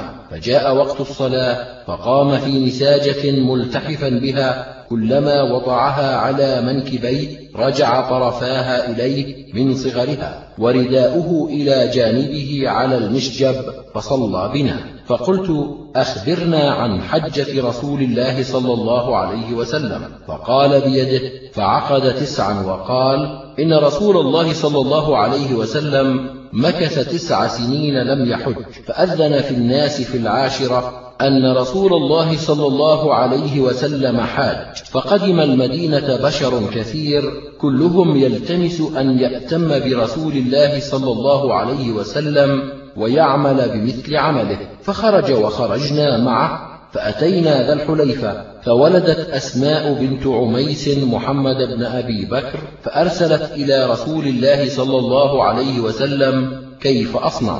قال اغتسلي واستثفري بثوب وأحرمي. فصلى رسول الله صلى الله عليه وسلم في المسجد ثم ركب القصواء حتى إذا استوت به ناقته على البيداء قال جابر نظرت إلى مد بصري من بين يديه بين راكب وماش وعن يمينه مثل ذلك وعن يساره مثل ذلك ومن خلفه مثل ذلك. ورسول الله صلى الله عليه وسلم بين أظهرنا وعليه ينزل القرآن. وهو يعرف تأويله ما عمل به من شيء عملنا به فأهل بالتوحيد. لبيك اللهم لبيك لبيك لا شريك لك لبيك إن الحمد والنعمة لك. والملك لا شريك له وأهل الناس بهذا الذي يهلون به فلم يرد رسول الله صلى الله عليه وسلم عليهم شيئا منه. ولزم رسول الله صلى الله عليه وسلم تلبيته قال جابر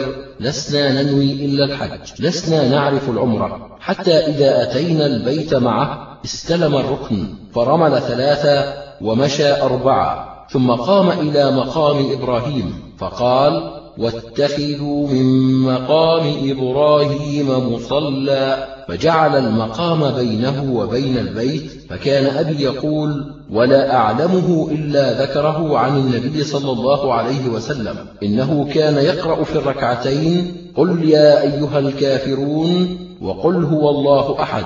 ثم رجع إلى البيت فاستلم الركن ثم خرج من الباب إلى الصفا حتى إذا دنا من الصفا قرأ إن الصفا والمروة من شعائر الله. نبدأ بما بدأ الله به. فبدأ بالصفا فرقي عليه حتى رأى البيت فكبر الله وهلله وحمده وقال لا إله إلا الله وحده لا شريك له له الملك وله الحمد يحيي ويميت وهو على كل شيء قدير. لا إله إلا الله وحده لا شريك له أنجز وعده ونصر عبده وهزم الأحزاب وحده ثم دعا بين ذلك وقال مثل هذا ثلاث مرات. ثم نزل إلى المروة فمشى حتى إذا انصبت قدماه. رمل في بطن الوادي حتى إذا صعدتا يعني قدماه مشى حتى أتى المروة ففعل على المروة كما فعل على الصفا. فلما كان آخر طوافه على المروة قال لو أني استقبلت من أمري ما استدبرت لم أسق الهدي وجعلتها عمرا فمن كان منكم ليس معه هدي فليحلل وليجعلها عمرا فحل الناس كلهم وقصروا إلا النبي صلى الله عليه وسلم ومن كان معه الهدي. فقام سراقة بن مالك بن جعشم فقال يا رسول الله ألعامنا هذا أم لأبد الأبد؟ قال فشبك رسول الله صلى الله عليه وسلم أصابعه في الأخرى وقال دخلت العمرة في الحج هكذا مرتين. لا بل لأبد الأبد. قال وقدم علي ببدن النبي صلى الله عليه وسلم فوجد فاطمة ممن حل ولبست ثيابا صبيغا واكتحلت فأنكر ذلك عليها علي فقالت أمرني أبي بهذا. فكان علي يقول بالعراق. فذهبت إلى رسول الله صلى الله عليه وسلم محرشا على فاطمة في الذي صنعت مستفتيا رسول الله صلى الله عليه وسلم في الذي ذكرت عنه وأنكرت ذلك عليها فقال صدقت صدقت ماذا قلت حين فرضت الحج؟ قال قلت اللهم إني أهل بما أهل به رسولك صلى الله عليه وسلم. قال فإن معي الهدي فلا تحل. قال فكان جماعة الهدي الذي جاء به علي من اليمن والذي أتى به النبي صلى الله عليه وسلم من المدينة مئة. ثم حل الناس كلهم وقصروا إلى النبي صلى الله عليه وسلم ومن كان معه هدي.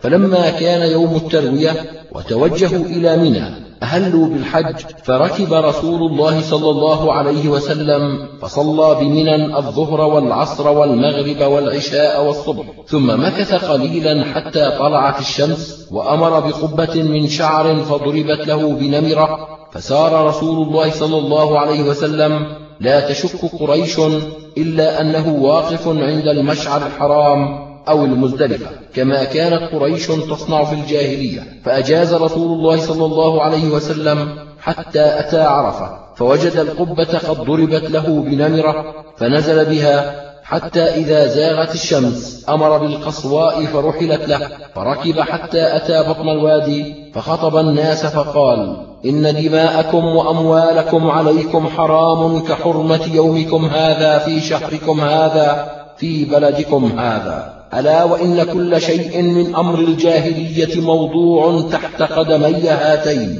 ودماء الجاهلية موضوعة وأول دم أضعه دم ربيعة بن الحارث كان مسترضعا في بني سعد فقتلته هذيل وربا الجاهلية موضوع وأول ربا أضعه ربانا ربا العباس بن عبد المطلب فإنه موضوع كله.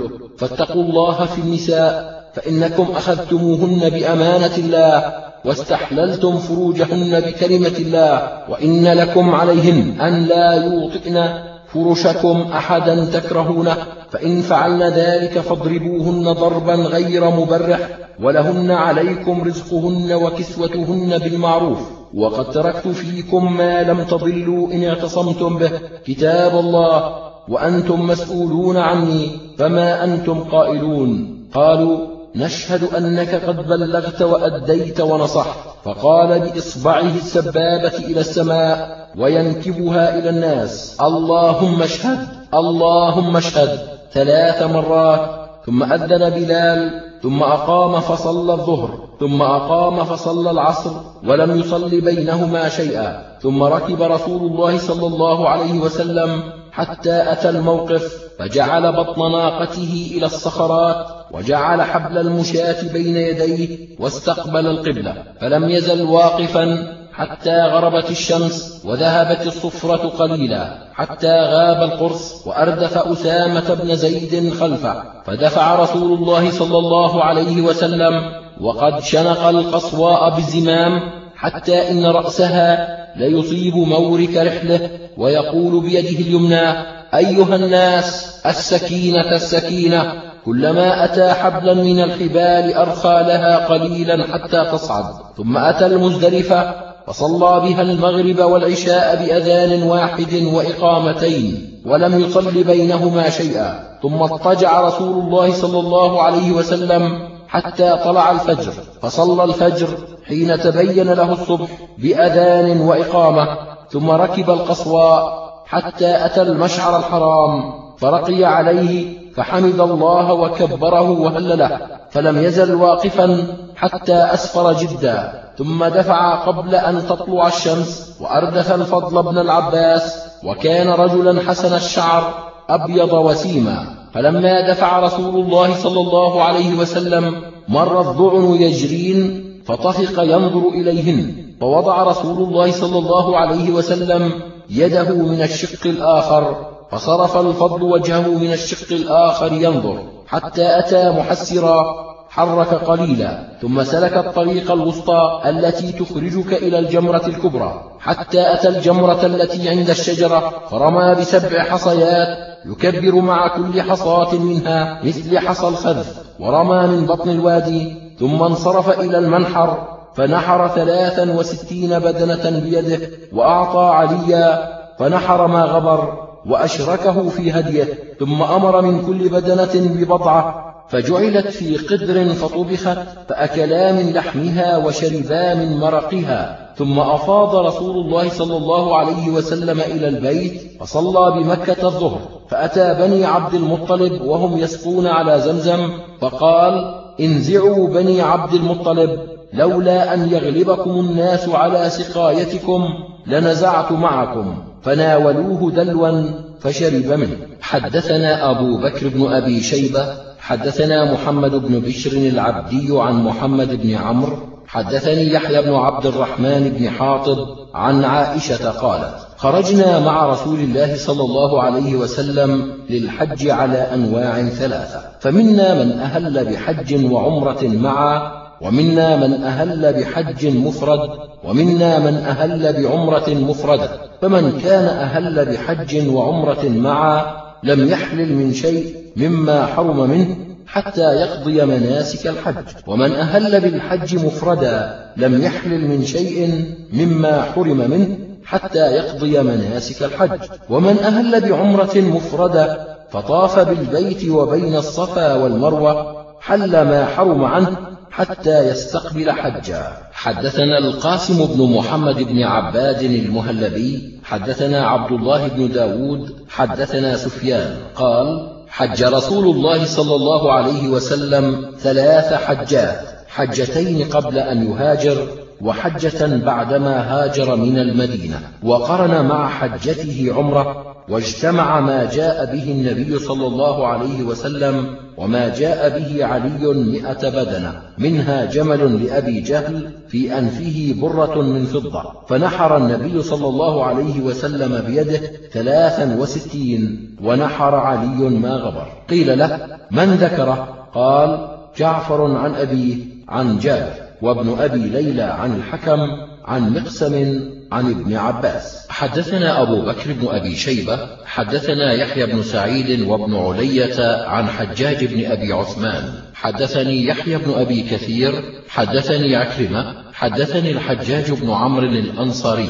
قال سمعت النبي صلى الله عليه وسلم يقول من كسر أو عرج فقد حل وعليه حجة أخرى. فحدثت به ابن عباس وأبا هريرة فقالا صدق. حدثنا أبو بكر بن أبي شيبة ومحمد بن بشار ومحمد بن المثنى ومحمد بن الوليد. قالوا حدثنا محمد بن جعفر حدثنا شعبة. سمعت قتادة يحدث عن سعيد بن المسيب عن عائشة أن النبي صلى الله عليه وسلم قال خمس فواسق يقتلن في الحل والحرم الحية والغراب الأبقع والفأرة والكلب العقور والحدأ. حدثنا محمد بن بشار ومحمد بن الوليد. قالا حدثنا محمد بن جعفر حدثنا شعبة عن عبد الرحمن بن الأصبهاني عن عبد الله بن معقل قال قعدت إلى كعب بن عجرة في المسجد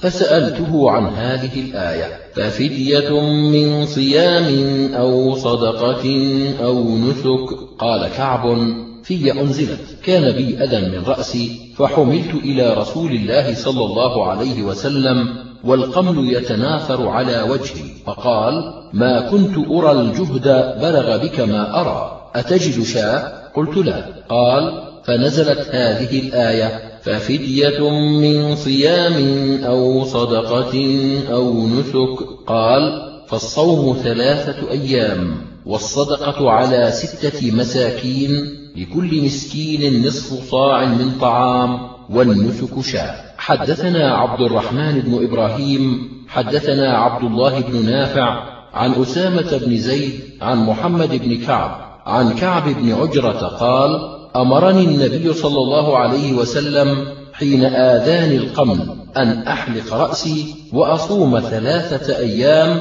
أو أطعم ستة مساكين وقد علم أن ليس عندي ما أنسك. حدثنا محمد بن الصباح أنبأنا سفيان بن عيينة عن يزيد بن أبي زياد عن مقسم عن ابن عباس أن رسول الله صلى الله عليه وسلم احتجم وهو صائم محرم. حدثنا بكر بن خلف أبو بشر حدثنا محمد بن أبي الضيف عن ابن خثيم عن أبي الزبير عن جابر أن النبي صلى الله عليه وسلم احتجم وهو محرم عن رخصة أخذته حدثنا علي بن محمد حدثنا وكيع حدثنا حماد بن سلمة عن فرقد السبخي عن سعيد بن جبير عن ابن عمر أن النبي صلى الله عليه وسلم كان يدهن رأسه بالزيت وهو محرم غير المقتد. حدثنا علي بن محمد حدثنا وكيع حدثنا سفيان عن عمرو بن دينار عن سعيد بن جبير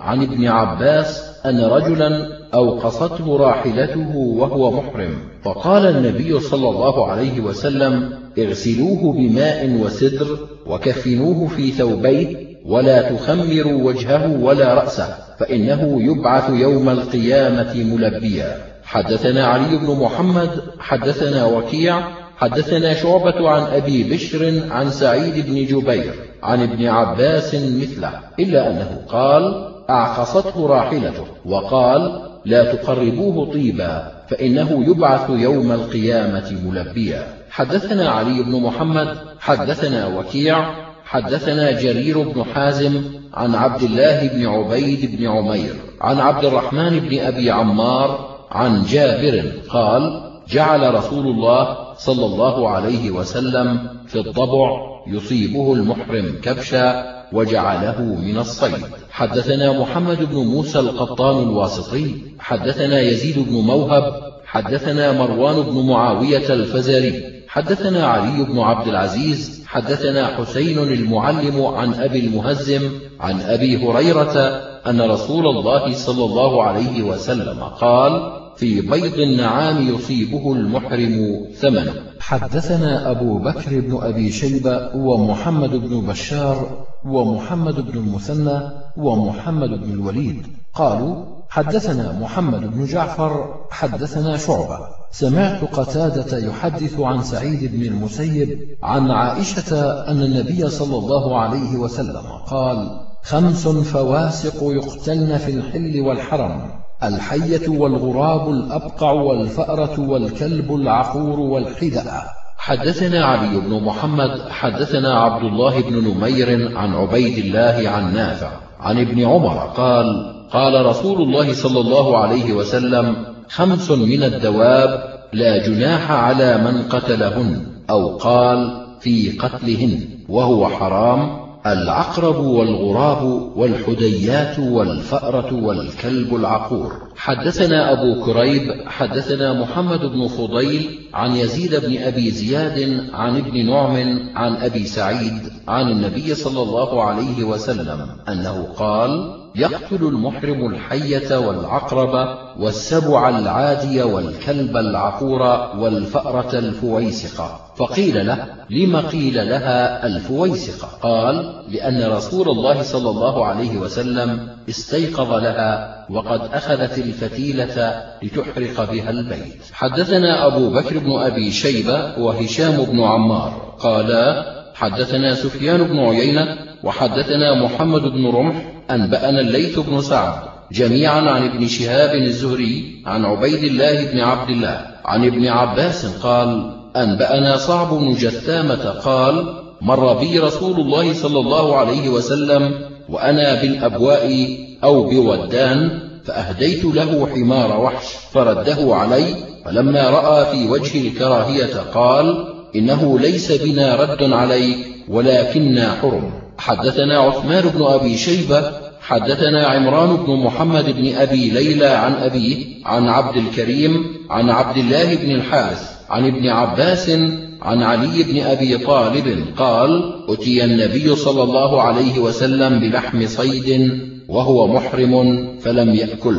حدثنا هشام بن عمار حدثنا سفيان بن عيينة عن يحيى بن سعيد. عن محمد بن إبراهيم التيمي عن عيسى بن طلحة عن طلحة بن عبيد الله أن النبي صلى الله عليه وسلم أعطاه حمار وحش وأمره أن يفرقه في الرفاق وهم محرمون. حدثنا محمد بن يحيى حدثنا عبد الرزاق أنبأنا معمر عن يحيى بن أبي كثير عن عبد الله بن أبي قتادة عن أبيه قال خرجت مع رسول الله صلى الله عليه وسلم زمن الحديبية فأحرم أصحابه ولم أحرم فرأيت حمارا فحملت عليه واصطدته فذكرت شأنه لرسول الله صلى الله عليه وسلم وذكرت أني لم أكن أحرمت وأني إنما اصطدته لك فأمر النبي صلى الله عليه وسلم أصحابه أن يأكلوه ولم يأكل من حين أخبرته أني اصطدته له. حدثنا محمد بن رمح أنبأنا الليث بن سعد عن ابن شهاب عن عروة بن الزبير وعمرة بنت عبد الرحمن أن عائشة زوج النبي صلى الله عليه وسلم قالت كان رسول الله صلى الله عليه وسلم يهدي من المدينة فأفتل قلائد هديه ثم لا يجتنب شيئا مما يجتنب المحرم. حدثنا أبو بكر بن أبي شيبة حدثنا أبو معاوية عن الأعمش عن إبراهيم عن الأسود عن عائشة زوج النبي صلى الله عليه وسلم قالت كنت أفتل القلائد لهدي النبي صلى الله عليه وسلم فيقلد هديه ثم يبعث به ثم يقيم لا يجتنب شيئا مما يجتنبه المحرم. حدثنا أبو بكر بن أبي شيبة وعلي بن محمد. قالا حدثنا أبو معاوية عن الأعمش عن إبراهيم عن الأسود عن عائشة قالت أهدى رسول الله صلى الله عليه وسلم مرة غنما إلى البيت فقلدها. حدثنا أبو بكر بن أبي شيبة وعلي بن محمد. قالا حدثنا وكيع عن هشام الدستوائي عن قتادة عن أبي حسان الأعرج عن ابن عباس أن النبي صلى الله عليه وسلم أشعر الهدي في السنام الأيمن وأماط عنه الدم وقال علي في حديثه بذي الحليفة وقلد نعلين حدثنا أبو بكر بن أبي شيبة حدثنا حماد بن خالد عن أفلح عن القاسم عن عائشة أن النبي صلى الله عليه وسلم قلد وأشعر وأرسل بها ولم يجتنب ما يجتنب المحرم. حدثنا محمد بن الصباح أنبأنا سفيان بن عيينة عن عبد الكريم عن مجاهد عن ابن أبي ليلى عن علي بن أبي طالب قال أمرني رسول الله صلى الله عليه وسلم أن أقوم على بدنه وأن أقسم جلالها وجلودها وأن لا أعطي الجازر منها شيئا وقال نحن نعطيه. حدثنا أبو بكر بن أبي شيبة وعلي بن محمد قالا حدثنا وكيع حدثنا سفيان عن ابن أبي ليلى عن الحكم عن مقسم عن ابن عباس أن النبي صلى الله عليه وسلم أهدى في بدنه جملا لأبي جهل بورته من فضة. حدثنا أبو بكر بن أبي شيبة حدثنا عبيد الله بن موسى أنبأنا موسى بن عبيدة عن إياس بن سلمة عن أبيه أن النبي صلى الله عليه وسلم كان في بدنه جمل. حدثنا محمد بن عبد الله بن نمير حدثنا يحيى بن يمان عن سفيان عن عبيد الله عن نافع عن ابن عمر أن النبي صلى الله عليه وسلم اشترى هديه من قديد. حدثنا أبو بكر بن أبي شيبة حدثنا وكيع عن سفيان الثوري عن أبي الزناد عن الأعرج عن أبي هريرة أن النبي صلى الله عليه وسلم رأى رجلا يسوق بدنه فقال اركبها. قال إنها بدنه. قال اركبها ويحك. حدثنا علي بن محمد حدثنا وكيع عن هشام صاحب الدستوائي عن قتادة عن أنس بن مالك أن النبي صلى الله عليه وسلم مر عليه ببدنة فقال اركبها. قال إنها بدنة. قال اركبها. قال فرأيته راكبها مع النبي صلى الله عليه وسلم في عنقها. نعم. حدثنا أبو بكر بن أبي شيبة حدثنا محمد بن بشر العبدي حدثنا سعيد بن أبي عروبة عن قتادة عن سنان بن سلمة عن ابن عباس أن ذؤيبا الخزاعي حدث أن النبي صلى الله عليه وسلم كان يبعث معه بالبدن ثم يقول إذا عطب منها شيء فخشيت عليه موتا فانحرها ثم اغمس نعلها في دمها ثم اضرب صفحتها ولا تطعم منها أنت ولا أحد من أهل رفقتك. حدثنا أبو بكر بن أبي شيبة وعلي بن محمد وعمر بن عبد الله. قالوا حدثنا وكيع عن هشام بن عروة عن أبيه عن ناجية الخزاعي. قال عمرو في حديثه وكان صاحب بدن النبي صلى الله عليه وسلم. قال قلت يا رسول الله كيف أصنع بما عطب من البدن؟ قال انحره واغمس نعله في دمه ثم اضرب صفحته وخل بينه وبين الناس فليأكلوه. حدثنا أبو بكر بن أبي شيبة حدثنا عيسى بن يونس عن عمر بن سعيد بن أبي حسين عن عثمان بن أبي سليمان عن علقمة بن نضلة قال توفي رسول الله صلى الله عليه وسلم وأبو بكر وعمر وما تدعى رباع مكة إلا السوائب من احتاج سكن ومن استغنى أسكن.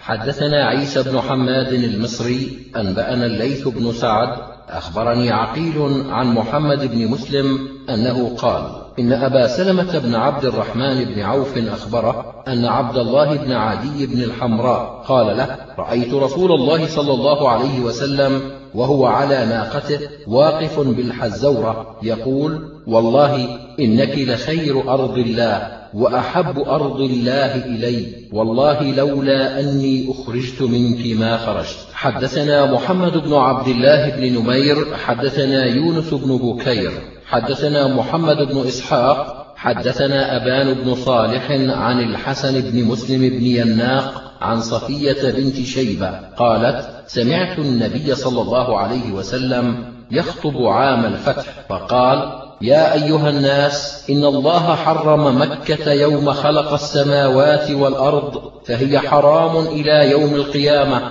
لا يعضد شجرها ولا ينفر صيدها ولا يأخذ لقطتها إلا منشد. فقال العباس إلا الإذخر. فإنه للبيوت والقبور. فقال رسول الله صلى الله عليه وسلم إلا الإذخر. حدثنا أبو بكر بن أبي شيبة حدثنا علي بن مسهر وابن الفضيل عن يزيد بن أبي زياد أنبأنا عبد الرحمن بن صابط عن عياش بن أبي ربيعة المخزومي. قال قال رسول الله صلى الله عليه وسلم لا تزال هذه الأمة بخير ما عظموا هذه الحرمة حق تعظيمها فإذا ضيعوا ذلك هلكوا. حدثنا أبو بكر بن أبي شيبة حدثنا عبد الله بن نمير وأبو أسامة عن عبيد الله بن عمر عن خبيب بن عبد الرحمن عن حفص بن عاصم عن أبي هريرة قال قال رسول الله صلى الله عليه وسلم إن الإيمان ليأرز إلى المدينة كما تأرز الحية إلى جحرها. حدثنا بكر بن خلف حدثنا معاذ بن هشام حدثنا أبي عن أيوب عن نافع عن ابن عمر قال قال رسول الله صلى الله عليه وسلم من استطاع منكم أن يموت بالمدينة فليفعل فإني أشهد لمن مات بها. حدثنا أبو مروان محمد بن عثمان العثماني حدثنا عبد العزيز بن أبي حازم عن العلاء بن عبد الرحمن عن أبيه عن أبي هريرة أن النبي صلى الله عليه وسلم قال اللهم إن إبراهيم خليلك ونبيك وإنك حرمت مكة على لسان إبراهيم اللهم وأنا عبدك ونبيك وإني أحرم ما بين لابتيها قال أبو مروان لابتيها؟ حرتي المدينة. حدثنا أبو بكر بن أبي شيبة حدثنا عبدة بن سليمان عن محمد بن عمرو عن أبي سلمة عن أبي هريرة قال قال رسول الله صلى الله عليه وسلم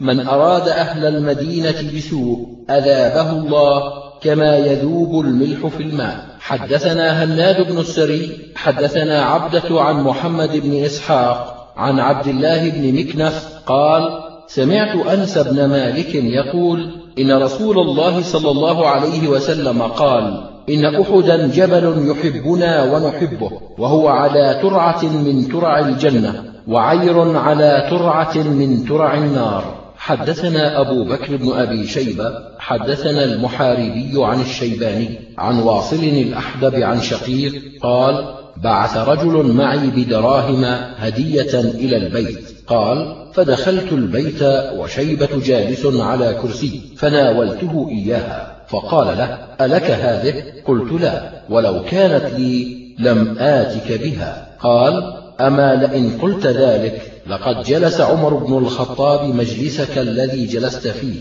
فقال لا أخرج حتى أقسم مال الكعبة بين فقراء المسلمين. قلت ما أنت فاعل؟ قال لأفعلن. قال ولم ذا قلت لأن النبي صلى الله عليه وسلم قد رأى مكانه وأبو بكر وهما أحوج منك إلى المال فلم يحركا فقام كما هو فخرج. حدثنا محمد بن أبي عمر العدني حدثنا عبد الرحيم بن زيد العمي عن أبيه عن سعيد بن جبير عن ابن عباس قال قال رسول الله صلى الله عليه وسلم من أدرك رمضان بمكة فصام وقام منه ما تيسر له كتب الله له مئة ألف شهر رمضان فيما سواها وكتب الله له بكل يوم عتق رقبة وكل ليلة عتق رقبة وكل يوم حملان فرس في سبيل الله وفي كل يوم حسنة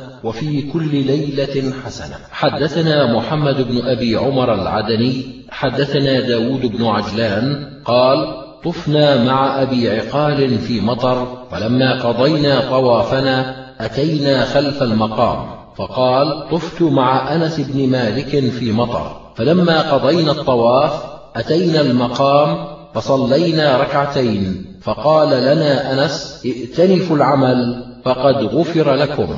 هكذا قال لنا رسول الله صلى الله عليه وسلم وطفنا معه في مطر. حدثنا إسماعيل بن حفص الأبلي حدثنا يحيى بن يمان عن حمزة بن حبيب الزيات عن حمران بن أعين عن أبي الطفيل عن أبي سعيد قال حج النبي صلى الله عليه وسلم وأصحابه مشاة من المدينة إلى مكة وقال اربطوا أوساطكم بأزركم ومشى خلط الهرولة.